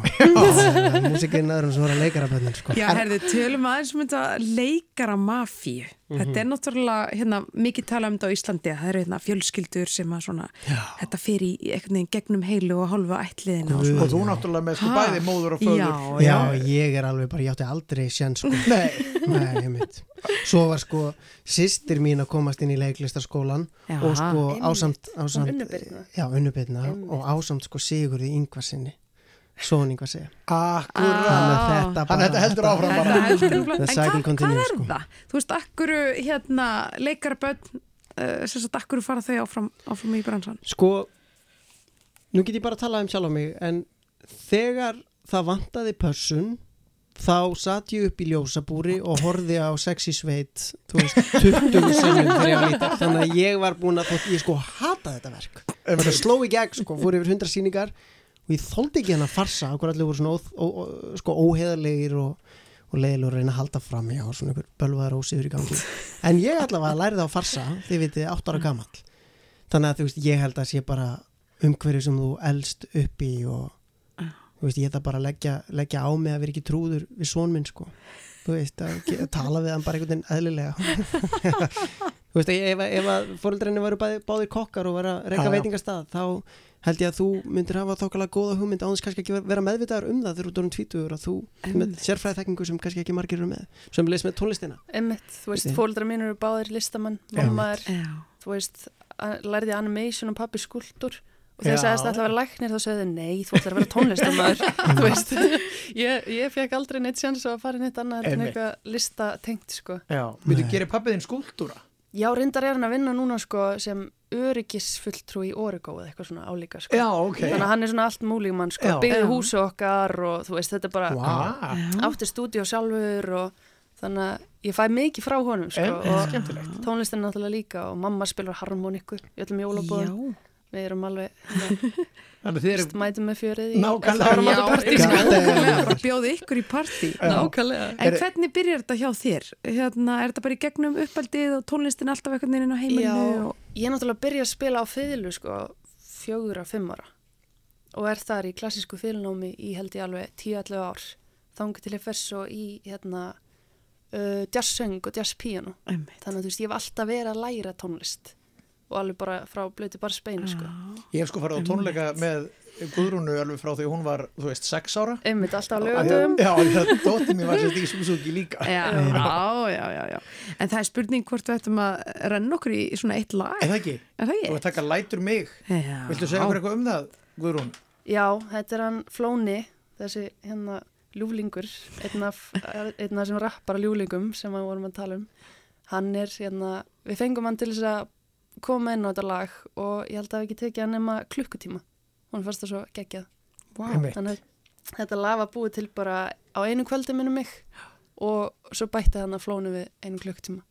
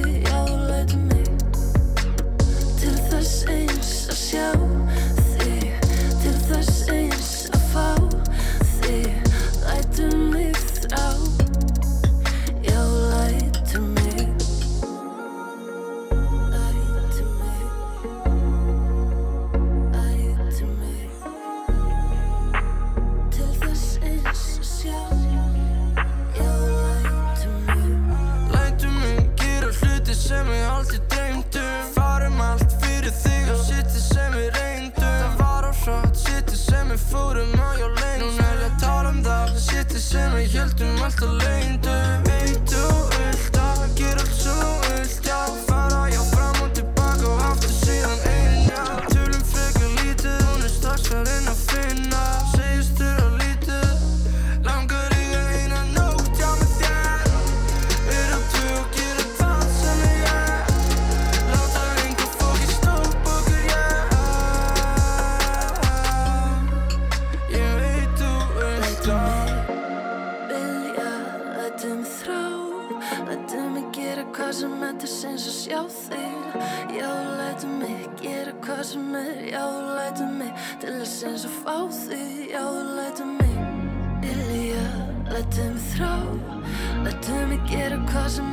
að sjá þig Já, lætu mig gera hvað sem er. Já, lætu mig til þess eins að fá þig Já, lætu mig Til þess eins að sjá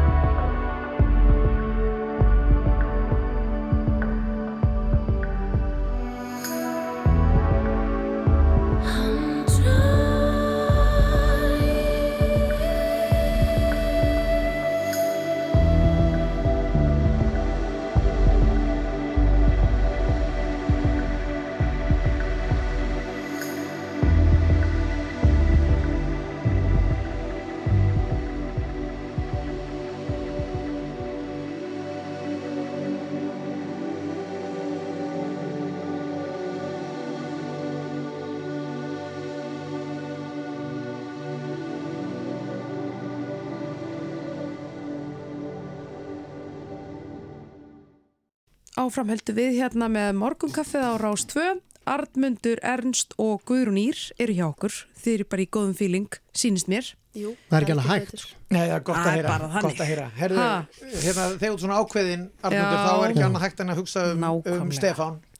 Fjand, bölvaðan Stefán sem að, hérna, sem að skilda okkur eftir í síðustu ófærð. Allt í lagi að vara við, sko, þeir sem ekki séð síðasta þátt af ófærð Já. Þeir mega Þurfa bara skammast sín. Já, þeir mega Mér finnst það skammast bara fín pólísía. Ertu að fara að gera ekki að að Nei, maður ég ekki að ætlaði að tipla að tánum. gefa fólki færi á að skipta um stöðu Já, ég sá nú reyndar áhorfstölurnar og, og þú veist Nei, þeir það voru sem bara allir að horfa. Já, bara þú veist, það er einhver 60% þjóðurnar að horfa sem þýðir að það er að eða Já, nokkurn veginn, sko, Já, þetta já. er svo svakalegar tölur. Það er alveg horrið Það er á við bara áfram Eurovision. frjálst. Já. yfir til þín Stefán. Já, einmitt, hvað á maður að segja? Ég Já, veit ekki, ég mánulega ekki að segja. Nei, sko, nei, passaðu að segja okkur ekki eitthvað sem, að við, sem skemmir fyrir okkur annað kvöld. En hvernig var að, hvernig var að ég meina það, það er orðið ljóst núna að þitt hlutverk sem var svona ekki eitt mjög stórt framan af. Það maðurinn þessi maður hafði þess að verri mann að geima en við sáum Já, hann býr yfir einhverju leyndarmálum. Já. Um ekki drengurinn. var hérna þegar last handritið og sást Mhm. að þú væri með þennan karakter varstu Já. hoppaður á hæðin af gleði að að Ég- sjá að þetta væri svona stórt hlutverk og bitastætt Ég ætla að hætti í borgarleikusinu Þá nóti þess Nei, Já. ég, það, það var ljóst sko framan af að þetta eru alveg nokkri tökudagar Þannig að ég, sem sagt, þetta gekk ekki með hérna starfi mín í, í borgarleikusinu Þannig að ég þurfti miður að segja upp á sínum tíma. Þá voru að leika Guðblessi Ísland Já. Setna átti ég að vera í Meteu og síðan átti ég að vera í uh, Rocky Horror. Og það hefði aldrei gengið saman sko. Það við vorum náttúrulega mikið að taka út á landi Já, og annað Já, og, já. báður þessar sýningar svona kröðust mikið að viðveru og æfingatímanum. En einhver síður uh, jú, það er gaman að að fá að takast á svona hlutverk svona, Er það ekki? jú, svolítið tví, svona með svona þrýviða karaktera Já. Aha.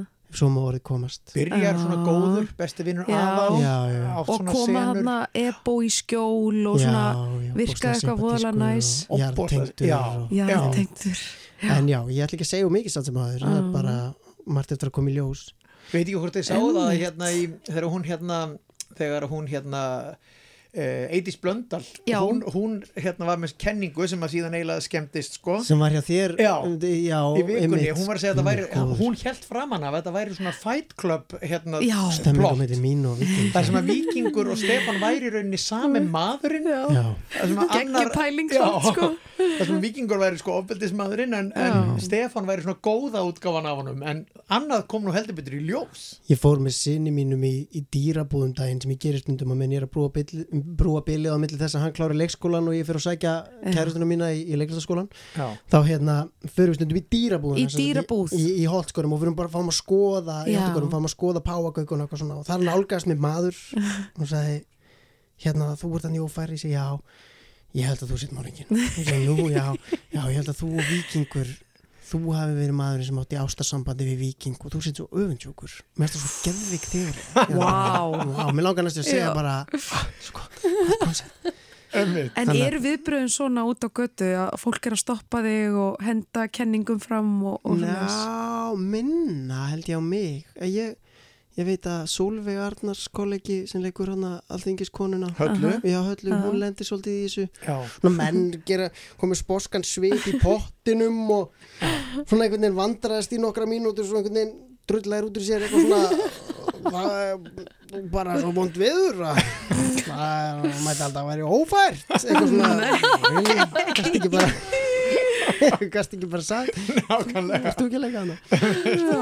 En Jú, jú, en það er rosa gaman hvað er mikið á, áhorf en það Já. er eitt sem Já. fylgir þessu sem Já. ég viss ekki að ég fengi, eh, hefði á, svona ákveðu ofnæmi fyrir og það er hvað sko uh, samfélagsmiðlarnir einhvern veginn fara á fullt þú veist, allt í henni Facebook er rosa aktiv og bara Mhm. fullt af notifications óbúslega mikið af messages og Mhm. maður er einhvern veginn alltaf bara blúp, eitthvað, þú veist, síminni bara hættir ekki og Instagram einhvern veginn, blessunlega er ég bara ekki á Twitter sko þannig að ég bara, ég, ég meikir ekki sko ég einhvern veginn Er bara það bara trublunin þá sem þið veist vond? Já, og einhvern veginn bara að þetta, þetta fyrir bara í síminn sko sé að kalla svona mikið á aðtigli mína. Það er eitt einhvern veginn að vera að setja og býða og fara á Instagram skiljur. Ég reynir samt að sleppa það. Ég reynir alveg ítrekka að láta mig leiðast sko. En bara einhvern veginn að þurfa þú veist, svo er bara ákveðið taktleysi sem myndast í kringum samfélagsmiðla, þið vitið það og einhvern veginn að, að senda viðkomandi skilaboð, þú veist, ég kannast bara vita frá mömmu sko, þú veist að fólk fannst, finnst það þekkja viðkomandi betur en raunberi vitni. Skiljiði? Og það er einhver þú veist og með alla sögunina mömmu þú veist og allir voru svo meðvitaður um það þá einhvern veginn ve- á fólk einhverja upplifur fólk einhverja nærveru við mann sem kannski er ekki gagfæm Akkúrat. sko, Já. sem er mjög, eh, þið finnst, þetta er algjörlega persónulegt frá mér Já. og ég er ekki að dæma neitt sko, Nei, en þetta er bara svona En kannski rétt ef Mhm. einhverja útvarslustundu vita ekki þetta, þetta þurfum Backmann Já. eh, hérna, heitinn var þetta móðir þín og hérna, Já, já. elskuð dáð af Já, þjóðinni já, já, algjörlega. Þannig að það er mitt að þá finnst fólki kannski eins og það getur bara að fara að spjalla við þig um hennar veikindi og eitthvað Já, og bara, ég minna það eiga allir aðganga þessari sögu og náttúrulega svona public figure Já. Mhm. en, en, en uh, þetta verður svona þetta er, en þetta er ákveðin kannski raunveruleiki sem ég bara elst upp við sko Já. Þú veist að, en já, en ég Mhm. svona allavega Mhm. uh, ég er ekki alveg jafn mikill svona samfélagsmiðla Nei. og, Þú ert og margir að- mínum aldri sko. Þú ert að upplifa aðeins svona engalífið er svona aðeins verið að, að vera að taka það aðeins yfir. Nei, nei, alls ekki. Nei, Það sorry, er, nei, Ég var endilega það. Ég bara, ég bara, ég bara segja símanu mínu stríða hendur. En ég nenni skil ekki. þetta rosa vel sko, ég er líka svolítið eins Já. að því að uh, þú veist, líka það sem að ég er kannski að feysa mikið er að ég þarf að vera rosalega virk á samfélagsmiðlum Mhm. að því að ég er í þessari tónlist. Og það er einhvern veginn, það helst svolítið í hendur. Og ég stundum bara svara ekki skilabóðum og þú veist eins og Snapchat eitthvað. Já. þú veist það eru vinkonum hans að svara og svo ringja er, er ekki allt í lægi Já. og ég bara, jú, Mhm. jú, ég er bara góð og þú veist ég er búin að svara Snapchat í fimm daga. Og bara svona, þú veist, það er svo erfitt að standa undir því að ég ætla að vera einhvern veginn með sitt eigið líf og þurfa að taka þátt í, þú veist, bara hvað önnur manneskja fyrir sér í morgum að móta Mm. Já, já, sem bara kemur mann ekkit við Nei, nei, nei, Er eitthvað, hérna, þið eru ekki alveg á sama aldri en, en, en þið eru bæði hér fulltrúr ungu Já, kynsluðurnar. klárlega. Er ekkert um það að fólk sé bara einfallega að, eins og segir, segjast símanu sínu stríð á hendur og bara hætta á þessu öllu? Ég meina, eins og þú segir auðvitað Guðrún, þá þarft þú að vera að Já. auglýsa þig eða Já, íta já, já. lögunum áfram og svona Algjörlega, sko. En er ekki nöðsynlega samt að fá smá frið og hlje? Jú, mér finnst það svo gott að skila síman eftir og fara í göngutúr Já. með hundin eða eitthvað, þú veist, gera eitthvað bara, þú veist, að því að þetta er líka svo mikil tímaþjóður, skilur. Ef maður dettur í það að fara að skoða eitthvað þá, þú veist, ég til dæmis, hérna, þetta er svolítið vandræðalegt, en hérna, mér finnst opbáslega þægilegt að horfa á fólk skera sápur og svona með slím á Instagram. Þetta er eitthvað svona, þetta er eitthvað hlutur sem er á Instagram sem er eitthvað svona sápur Já, með heitum hníf. Já, alls konar eitthvað svona. Og Ég get alveg glimt mér í þessu. Þetta er, bara, þetta er eins og þegar að badnatíman var búin þegar maður var yngri á lögutum og svo kom Formule 1 og maður skildi ekki neitt maður satt bara fyrir fram á sjóarpið Ha. og bara horfið á þetta bara í klukkutíma skilu, ég lendi í þessu. Einmitt. og mér finnst það óþrandi, þetta er svo mikil tíma þegar Já, þetta er það. En er alveg bein tenging á milli þess sem að sko þú ert dugli á samfélagsmiðlum og gig sem þú færð og, og tilbúð sem þú færð og svo framvegis? Já og nei, þetta er meira svona, þú veist, svona eftir því sem ég duglari að hérna, að posta, þú veist, alls konar dóti á Instagram og, og láta fólk vita, finnst mér meira svona, bara áhörndahópurinn stækkar, þú veist, bæði, kannski ekki endilega eitthvað svona, já, þú veist, maður fær fleiri followers og getur þá komið Já. Betur upplýsingum, þú veist, ég er að spila þarna Já. og það Einmitt. koma þeir sem að vilja Ó, Þetta er svona vítarhingur. Þetta er algjör vítarhingur, sko. Já. maður verður svolítið meðdagur um þetta. Já. Þegar Já. maður fari ekki að verða partur af... Og í útlöndu væri náttúrulega með fólki vinnu fyrir því að Já, gera þetta en hér Já. náttúrulega gera allir allt sjálfur. Já, Mm. er svoleiðis. Ég var að horfa svo mega áhuga að vera að klippu bara brota brotur viðtali við einn af sko uh, fyrstu forstjórum og, og þeim sem byggur til Facebook á sínum tíma það er rosa átakalegt að hlusta á þetta því að hann tala bara um að allir þeir sem stóðu á bakvið þetta til að byrja með þeir höfðun hann sko lúmska grunum að þeir var að búa til eitthvað skrýmsli sem Oh. myndi sko sem myndi vera óstöðvandi Já. og hann er þeirra skoðunar að við séum bara að, að rústa samfélagslegu munstri okkar sem sko sem bara einkennir okkur sem manneskjur sko, sem eru bara samskipti okkar sko þólinmæði, samvinna Algjörlega. þetta er einhvern veginn, allt þetta nú verð ég bara að sletta vegna að ég kann ekki þessi íslensku orð, sko, instant gratification og dopamine inducing, eitthvað svona da, da, da, da, da. Akkurat. þið veitir þetta, að þetta er, þetta er við erum bara ekki funksjónal í þessu umhverfi sko. Nei. Og Þannig- líka þetta constant availability. Já. Já. Þú veist, Já. ég oft Vera sendi alltaf til fólk staðar Já. alltaf, Já. já. og, Alltaf og maður- ná í þig. Ég þól ekki hennan sín fítur á Facebook. Stundum þarf ég bara að lesa þetta og ég þarf bara að meðtaka þetta í nokkru klukktíma og svo get ég svaraði skilur og það er allir svona, það getur svo inn á sig bara, oh my god, hún sínaði mig. Já. þú veist, er hún fúl út í mig? Já. við erum farin í þennan pakka skilur Það og við erum að tala við tölvuskjá sko. Það er ljóð eftir Eidísi Blöndal sem er svona. Að það eina sem er verra en að vera sínaður er að vera ekki einu sinni sínaður. Ó, Ég held, ég held að sé svona, þetta er eftir minni. þetta er gott. Já. en hérna Arnbjörður, sko, ég lifi bara á þeim tímum að, að það er engin spurning að þú hætti bara í leikúsinu til að taka þér sjónvarsverkefni segir þetta ekki alltaf svona um, um stöðuna og stöðu sjónvarsins og, og svona hvar við erum stödd? Jú, ertu þó bara að tala um íslenska framleiðslu og Já, og líka bara, þú veist, að því að leikúsið er náttúrulega svona, er það ekki svona Það er það Le, ekki? jú, leikstjórin, le, le, leikusið er grunnurinn sko. Já, það er, ég hef verið svo heppin að ég hérna, tekið þátt í sagt, uh, síningu upp í hörpu. Við sínt bara reglulega. Já, og það er ofbóðslega sko, mikil samskipti við áhörundur þar og, en á sama tíma var ég að leika mikið í sjónvarpi og kvikmyndum.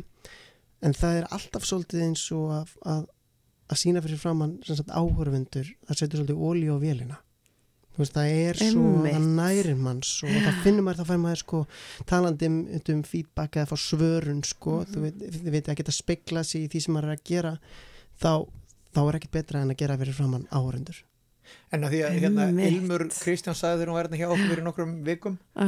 þá var hann að segja að það haldi alltaf allir að þeir séu rosalega upptekið núna af því að það er verið að sína ófæð Já, guð, nei, svo er maður ekkert að gera. Hún sagði bara að fólk er eitthvað fyrir eru trubla er ekki rosalega upptekið núna af því að það er að eitthvað í gera. sjónvarpinu sem þú ert að en, en sem þú gerðir fyrir hálfa ári sko. Ertu, hvað ertu, ertu að gera eitthvað núna? Já, ég er reyndar í ofbóðslega skemmtilegu verkefni núna. Við erum að æfa í kassanum í þjólikúsinu nýtt verk eftir Jón Gnar já, sem heitir Súper þar sem kjöt snýst um fólk.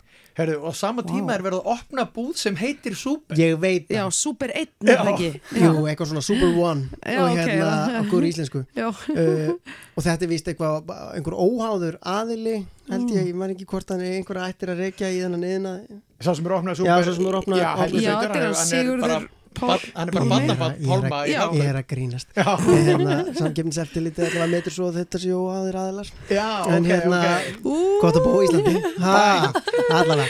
Er en, hérna. En hann sem sagt var það sé alveg upp á borði þá sem sagt kom nafnið á þessu verki löngu orðin þessi búð hérna, var hann í myndinni eða Já, á sko áruna bónus lokaði þarna nýjum með sko. Þannig að það er mikil hérna en þetta er sko ótrúlega skemmtilegt verk Er ekki Uh, Benny Erlings að leikstýra Benedikt, Já. við erum með sko verðluna Já. leikstjóra, Já. alveg og hann bara á milli Halló. þess sem hann er á kvikmyndaháttíðum þá kemur hann einhvern veginn svona alveg jetlag bara, að förum að leika já, með og, hattinn já, og gleymir alltaf einhverju verðlunum og skallanum á sér og svona, ah, var ég enda með þetta hérna nei, og hann er í rosa góðu stuði en þetta er er talsveit erfiðara en við byggumst við vegna þess að þannig er samt Jóngnar er að leika, það er ég Snæfriður Ingvars, svo er sko Solveig Arnars, Edda Björgvins Eggert Þorleifs og, og Vigga uh, Vigdís Hrefna. Og það er bara svo gaman á æfingum að við erum bara já, við erum bara einhvern veginn, þú veist, komumst valla neitt áfram vegna þess að við förum alltaf bara að hlæja sko. Er þetta bara klassíst eh, íslenskt leikrit eða er þetta, er, er eitthvað, er sungið í þessu eða er það þetta er sungið maður, Já. það er dansað þetta er Já, sko, þetta er rú, rú, sko hárbeitt samfélagsálit ádela og Já, það sem kjöt snýst um fólk er Það sem náttúrulega kjöt rosa snýst um fólk, um vegan svínakjöt og kjúklingastrimla úr alvöru ekta íslensku svínakjöti og þetta er alveg frábært og, og hérna, en Já. þetta er fyrst og fremst alveg já, sko það er bara einhver rödd sem Jóngnar hefur sem er ótrúlega skemmtileg og hefur fyllt honum einhvern veginn í gegnum allt sem hann hefur gert. Og hann er, og ég er í fyrsta skipti að fá að kynnast honum sko, ég kynst öllu henni fólkinu fyrir að vinna með þeim, fyrsta verki sem ég leki eftir útskrift var ég á Benna. Mhm. uh, og það er eindislega að vinna með honum en Jón Gnar er rosa ég, hann, ég er mikið dálæti á honum. Hann er ofbóðslega alminnlegur í samskiptum fyndin, skemmtilegur, skilningsríkur og hlustar ég held bara að hann væri of ofirkur til að geta hlusta sko hann í kynntistónum sko en hann er alveg, já ég ég, hef alla, ég er allavega mjög imponeraði með þann mann Já. og mjög er glaður með að fá að topp vinna einhver með. hérna. já, Herðu, en við ætlum Eh, að setja lag á fónin já, sem að þú valdir. Þú segð okkur akkur þú valdir þetta lag. If you leave me now með Chicago. Halló. sko, þetta er svolítið lag, lag sem eh, það væri miklu uppaldi á mömmu á sínu tíma sko að- mér datt að huga því að þú veist, þú ert of ungur fyrir þetta lag. já, ég er of ungur fyrir þetta lag, en einhvað síður, áður en ég vissi það þá sem sagt var ég að sækja um umbóðsmenn ég ákvað að senda út svona fullt af mailum á umbóðsmenn út í London og ég hugsa með mér, ég kann að syngja þannig að ég ætla að syngja eitthvað lag, útsetja eitthvað lag og fyrir einhverja tilvílun þá var ég nýbúin að hlusta á þetta lag og hugsa, þetta lag get ég nelt Mm. þannig ég fekk Guðmund Óskar uh, tónlistamann, Já. Mhm. mikinn músikant til að já. útsetja þetta með mér og við tókum þetta upp á kameru og, og svona professionally, bara í stúdiói og svo þegar ég síndi mömmu þetta mín okkar útsetninga á þessu þá, þá er mér hún mér að þetta hefði verið uppáhaldslæðin á sínum tíma Já, ok Wow. Er þetta, Guðrún, ert þú að hlusta á svona tónlist? Hvernig, hvað? Ég er nefnilega að hlusta á svona tónlist. Já. Ég er svolítið, ég er svolítið gömul sál, sko. Já. Ég er alveg með vínilspilaran heima og fer og, og kaupi mér flýt út makk og eitthvað. Það er uppáhaldsplata mín, Rúmar, sko. Ok. Þannig að kannski líka hef ég, hefur mig gengið vel tónlistina því að tvinna saman einhverja, einhverja nýja og gamla heima, skilur það ég veit það ekki. Herru, sko, Chicago heyrist Vá. ekki mikið hérna á Rástföð en, en nú rennum við bara í If you leave me now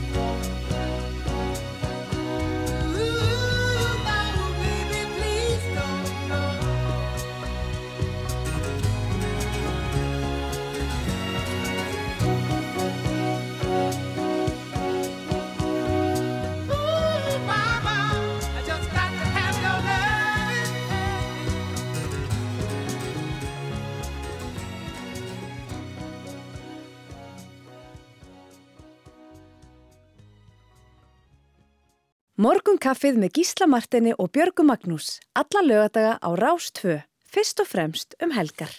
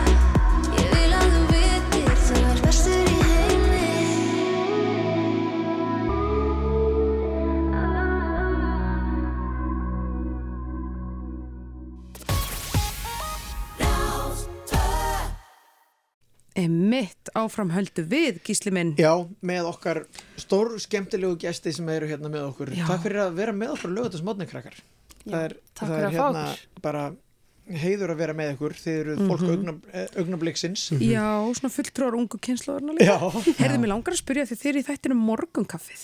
Eru þið, drekkið í kaffi? Já, heyrðu, ég er búin að vera í koffinpásu.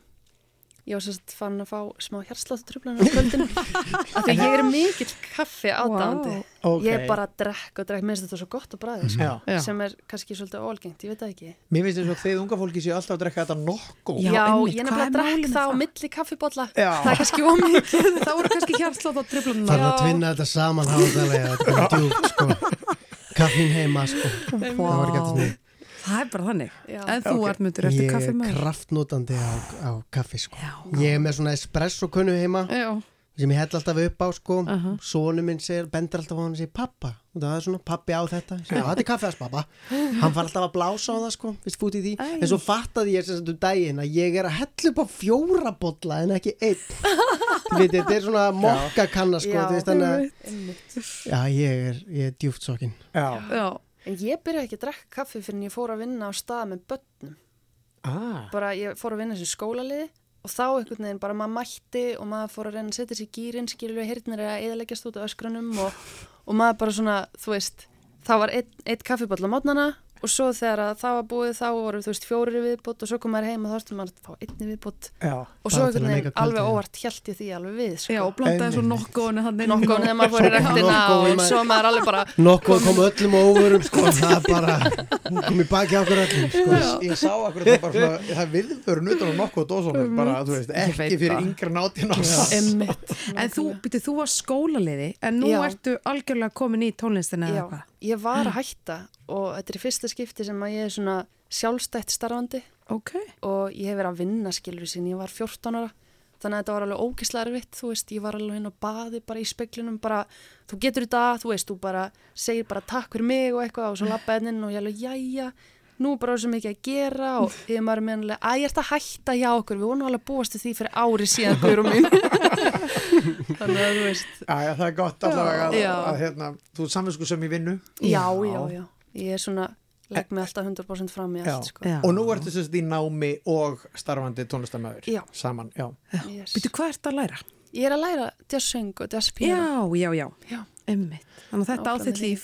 Algjörlega. Já, og hvernig verður, núna hef þetta ár frá því að Mhm. ef, við, ef við hérna, notum tónlistavelunin sem e, hérna, Einmitt. ár, árskipti, Einmitt. e, áramót, Mhm. e, þá var þetta ár sem er að líða náttúrulega rosalegur hverjvilbylur fyrir þig. Hvernig heldur að Algjörlega. næsta ár verði? Uh, það verður svolítið erfitt að toppa Já. held ég sko, eða þú veist, ég náttúrulega bara fór inn í tónlistina með það hugarfar að mér langaði bara að skapa eitthvað sem að mér langaði að gera skilur þannig að það var aldrei eitthvað plan að fara að fá einhverju velun eða endilega að fá einhverju á mikla hlustun. Það var einhvern veginn ekki alveg eh, planið þegar ég byrjaði sko.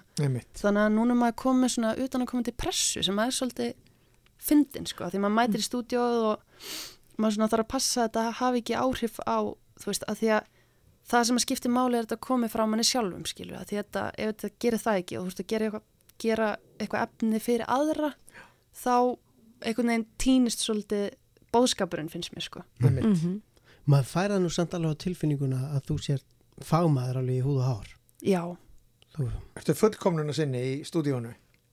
já og nei, sko. Ég get verið svona fullkomna sinni með sumt og sumt er bara, já, já, bara hendum þess að þinn, skilur. Einmitt. Þannig að ætli ég sé ekki að fara einhver svona gullin meðalveg Já. þar.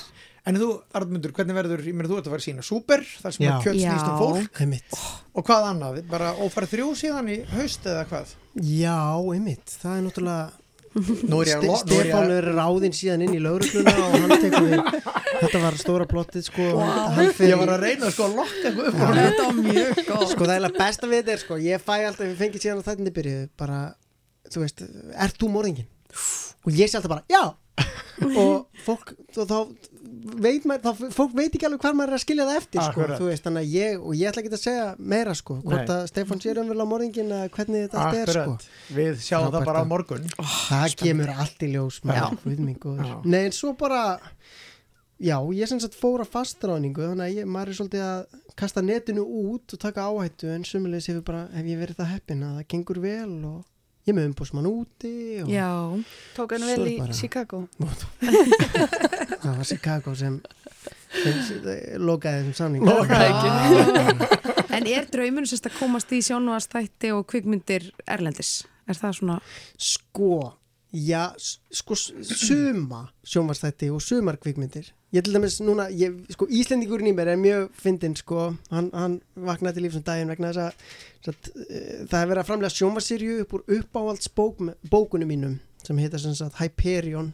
Og hérna er svona, þetta er óbúslega nördabók sci-fi og, og ég sá þetta og bara verið, vá, hver er að framlega þetta? Bradley Cooper er að framlega þetta. Fokk á mér, þetta er flottir gauður maður. Og ég bara í Word Dear Mr. Cooper og bara I am Artmundur og da da da da da young actor Yes. from Iceland og svo bara sendi ég þetta umbásmannin og bara heyrðu hérna Yes. getum við ekki komið þess að Cooper og hún bara heyrðu ég veit ekki ég veit ekki frá hvaða landi þú ert sko. en þetta er svona gerum við þetta ekki hérna í þessum stóra heimi sko. ég er bara að spója samt að gera það sko. reyna að koma þess að Vá. brati Cooper nei ég er bara að halda pólísi og ég, bara, ég sækist þetta þeim verkefni sem ég langar að leika í en Mhm. jú, það er vissulega gaman að kynnast þessum heimi úti en hann er svona það er líka rosalega margt jákvætt í gangi hérna heima sem, og bara sko fag, rosalega mikil fagmennska sem Mhm. einkennir hennan innan, Mhm. og við erum bara nú alveg svona þetta kýtla þjóðinni sinnan í manni en, en við erum einstaklega góð í því að vera góð í hlutum og Já. það var kollegi minn sem sagði bara það er bara veðrið það er eina sem er ít okkur út í þetta. Við bara, þú veist, við höfum ekki þetta sumar þar sem við bara förum út í einhverja lognmollu og látum okkur líða vel. Þú veist, það er bara alltaf rók og þá bara fem ára tekur upp músík eða þið veitir, fyrir eitthvað svona horf bíómyndir sem maður er að pæla í og svona, fer- maður fyrir bara að nördast. Herru, við ætlum að ljúka þessu á lægi sem að mamma þín e, gerði vinsælt Já. sem að var náttúrulega gerði það sem að þið eru bæði að gera, náttúrulega bæði tónlistakona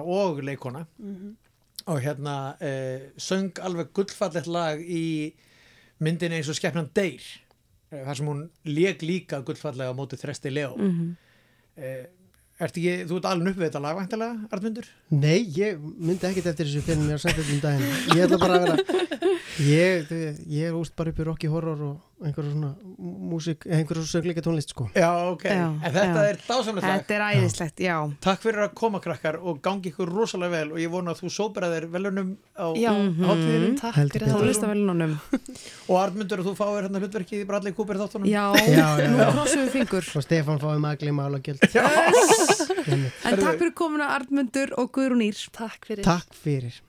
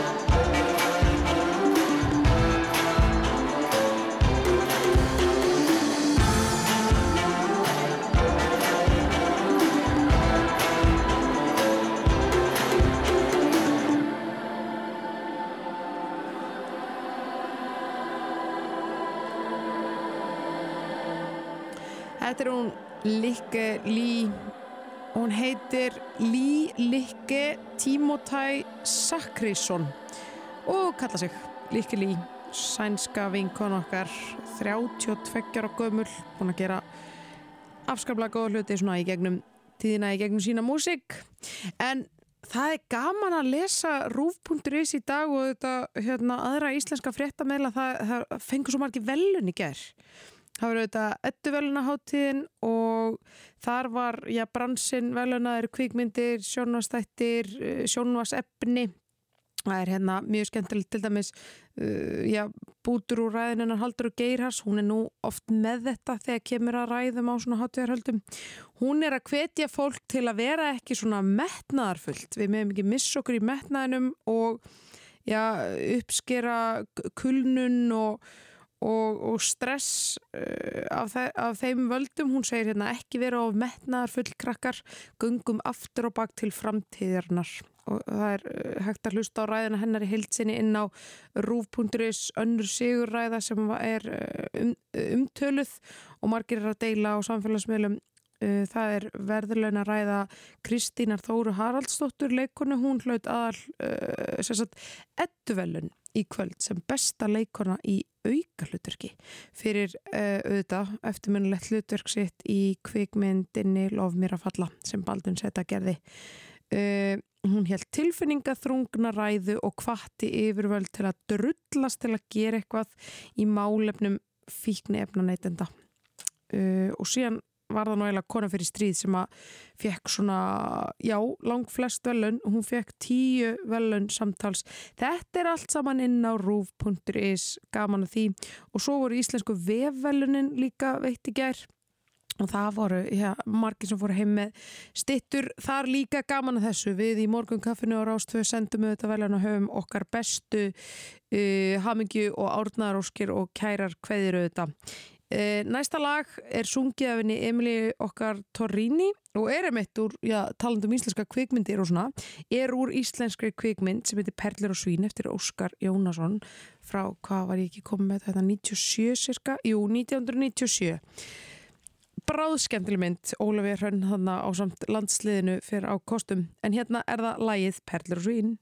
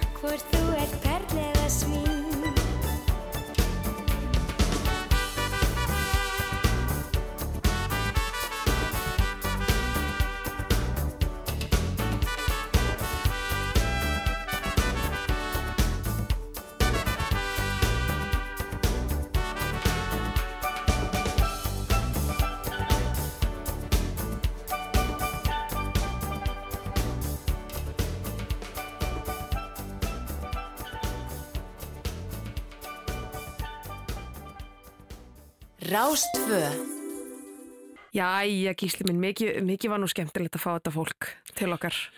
Dásamlegt fólk og hérna og þetta er svo mikil hæfileika búnt. Ó. Svo gaman að... Samt eitthvað svo jarðtengt, eins og þessi umræði með símana, veist, finnst þetta eitthvað svo þroskað. Já. Þessu, hérna, þeir eru náttúrulega fulltrúar ungu kynslaðarinnar. Ég potið sko miklu meir í síman með já, ég líka. Guðrún bara eitthvað, já, ég bara fyrir út að labba og skil síman eftir, þú veist, þetta er svona... Hefur einhvern tíma gert það á æfinni, Björg? Uh, ég er náttúrulega alltaf með þessi blessuður hlaðvörp. Já, akkurat. Þú veist. Já. Já, nei, ég, ég veit ekki. Við getum lært margt á þessu Já, góða fólki. já, rétt. Það er bara algjörlega þannig. Rétt. Gaman að fá þau. Já. En hérna, það bara er eins og við mannin mælt. Hér líður tíminn rætt uh, og það er bara komið að loka lægi. Já. Það er bara staðan á okkur gísli minn. Já, þú ert manneskjan sem að Og- kanta á græðunar, ég kann ekki, það er rétt á mörkunum kunna á svo klukku hérna sem að segir okkur hvernig þátturinn klárast.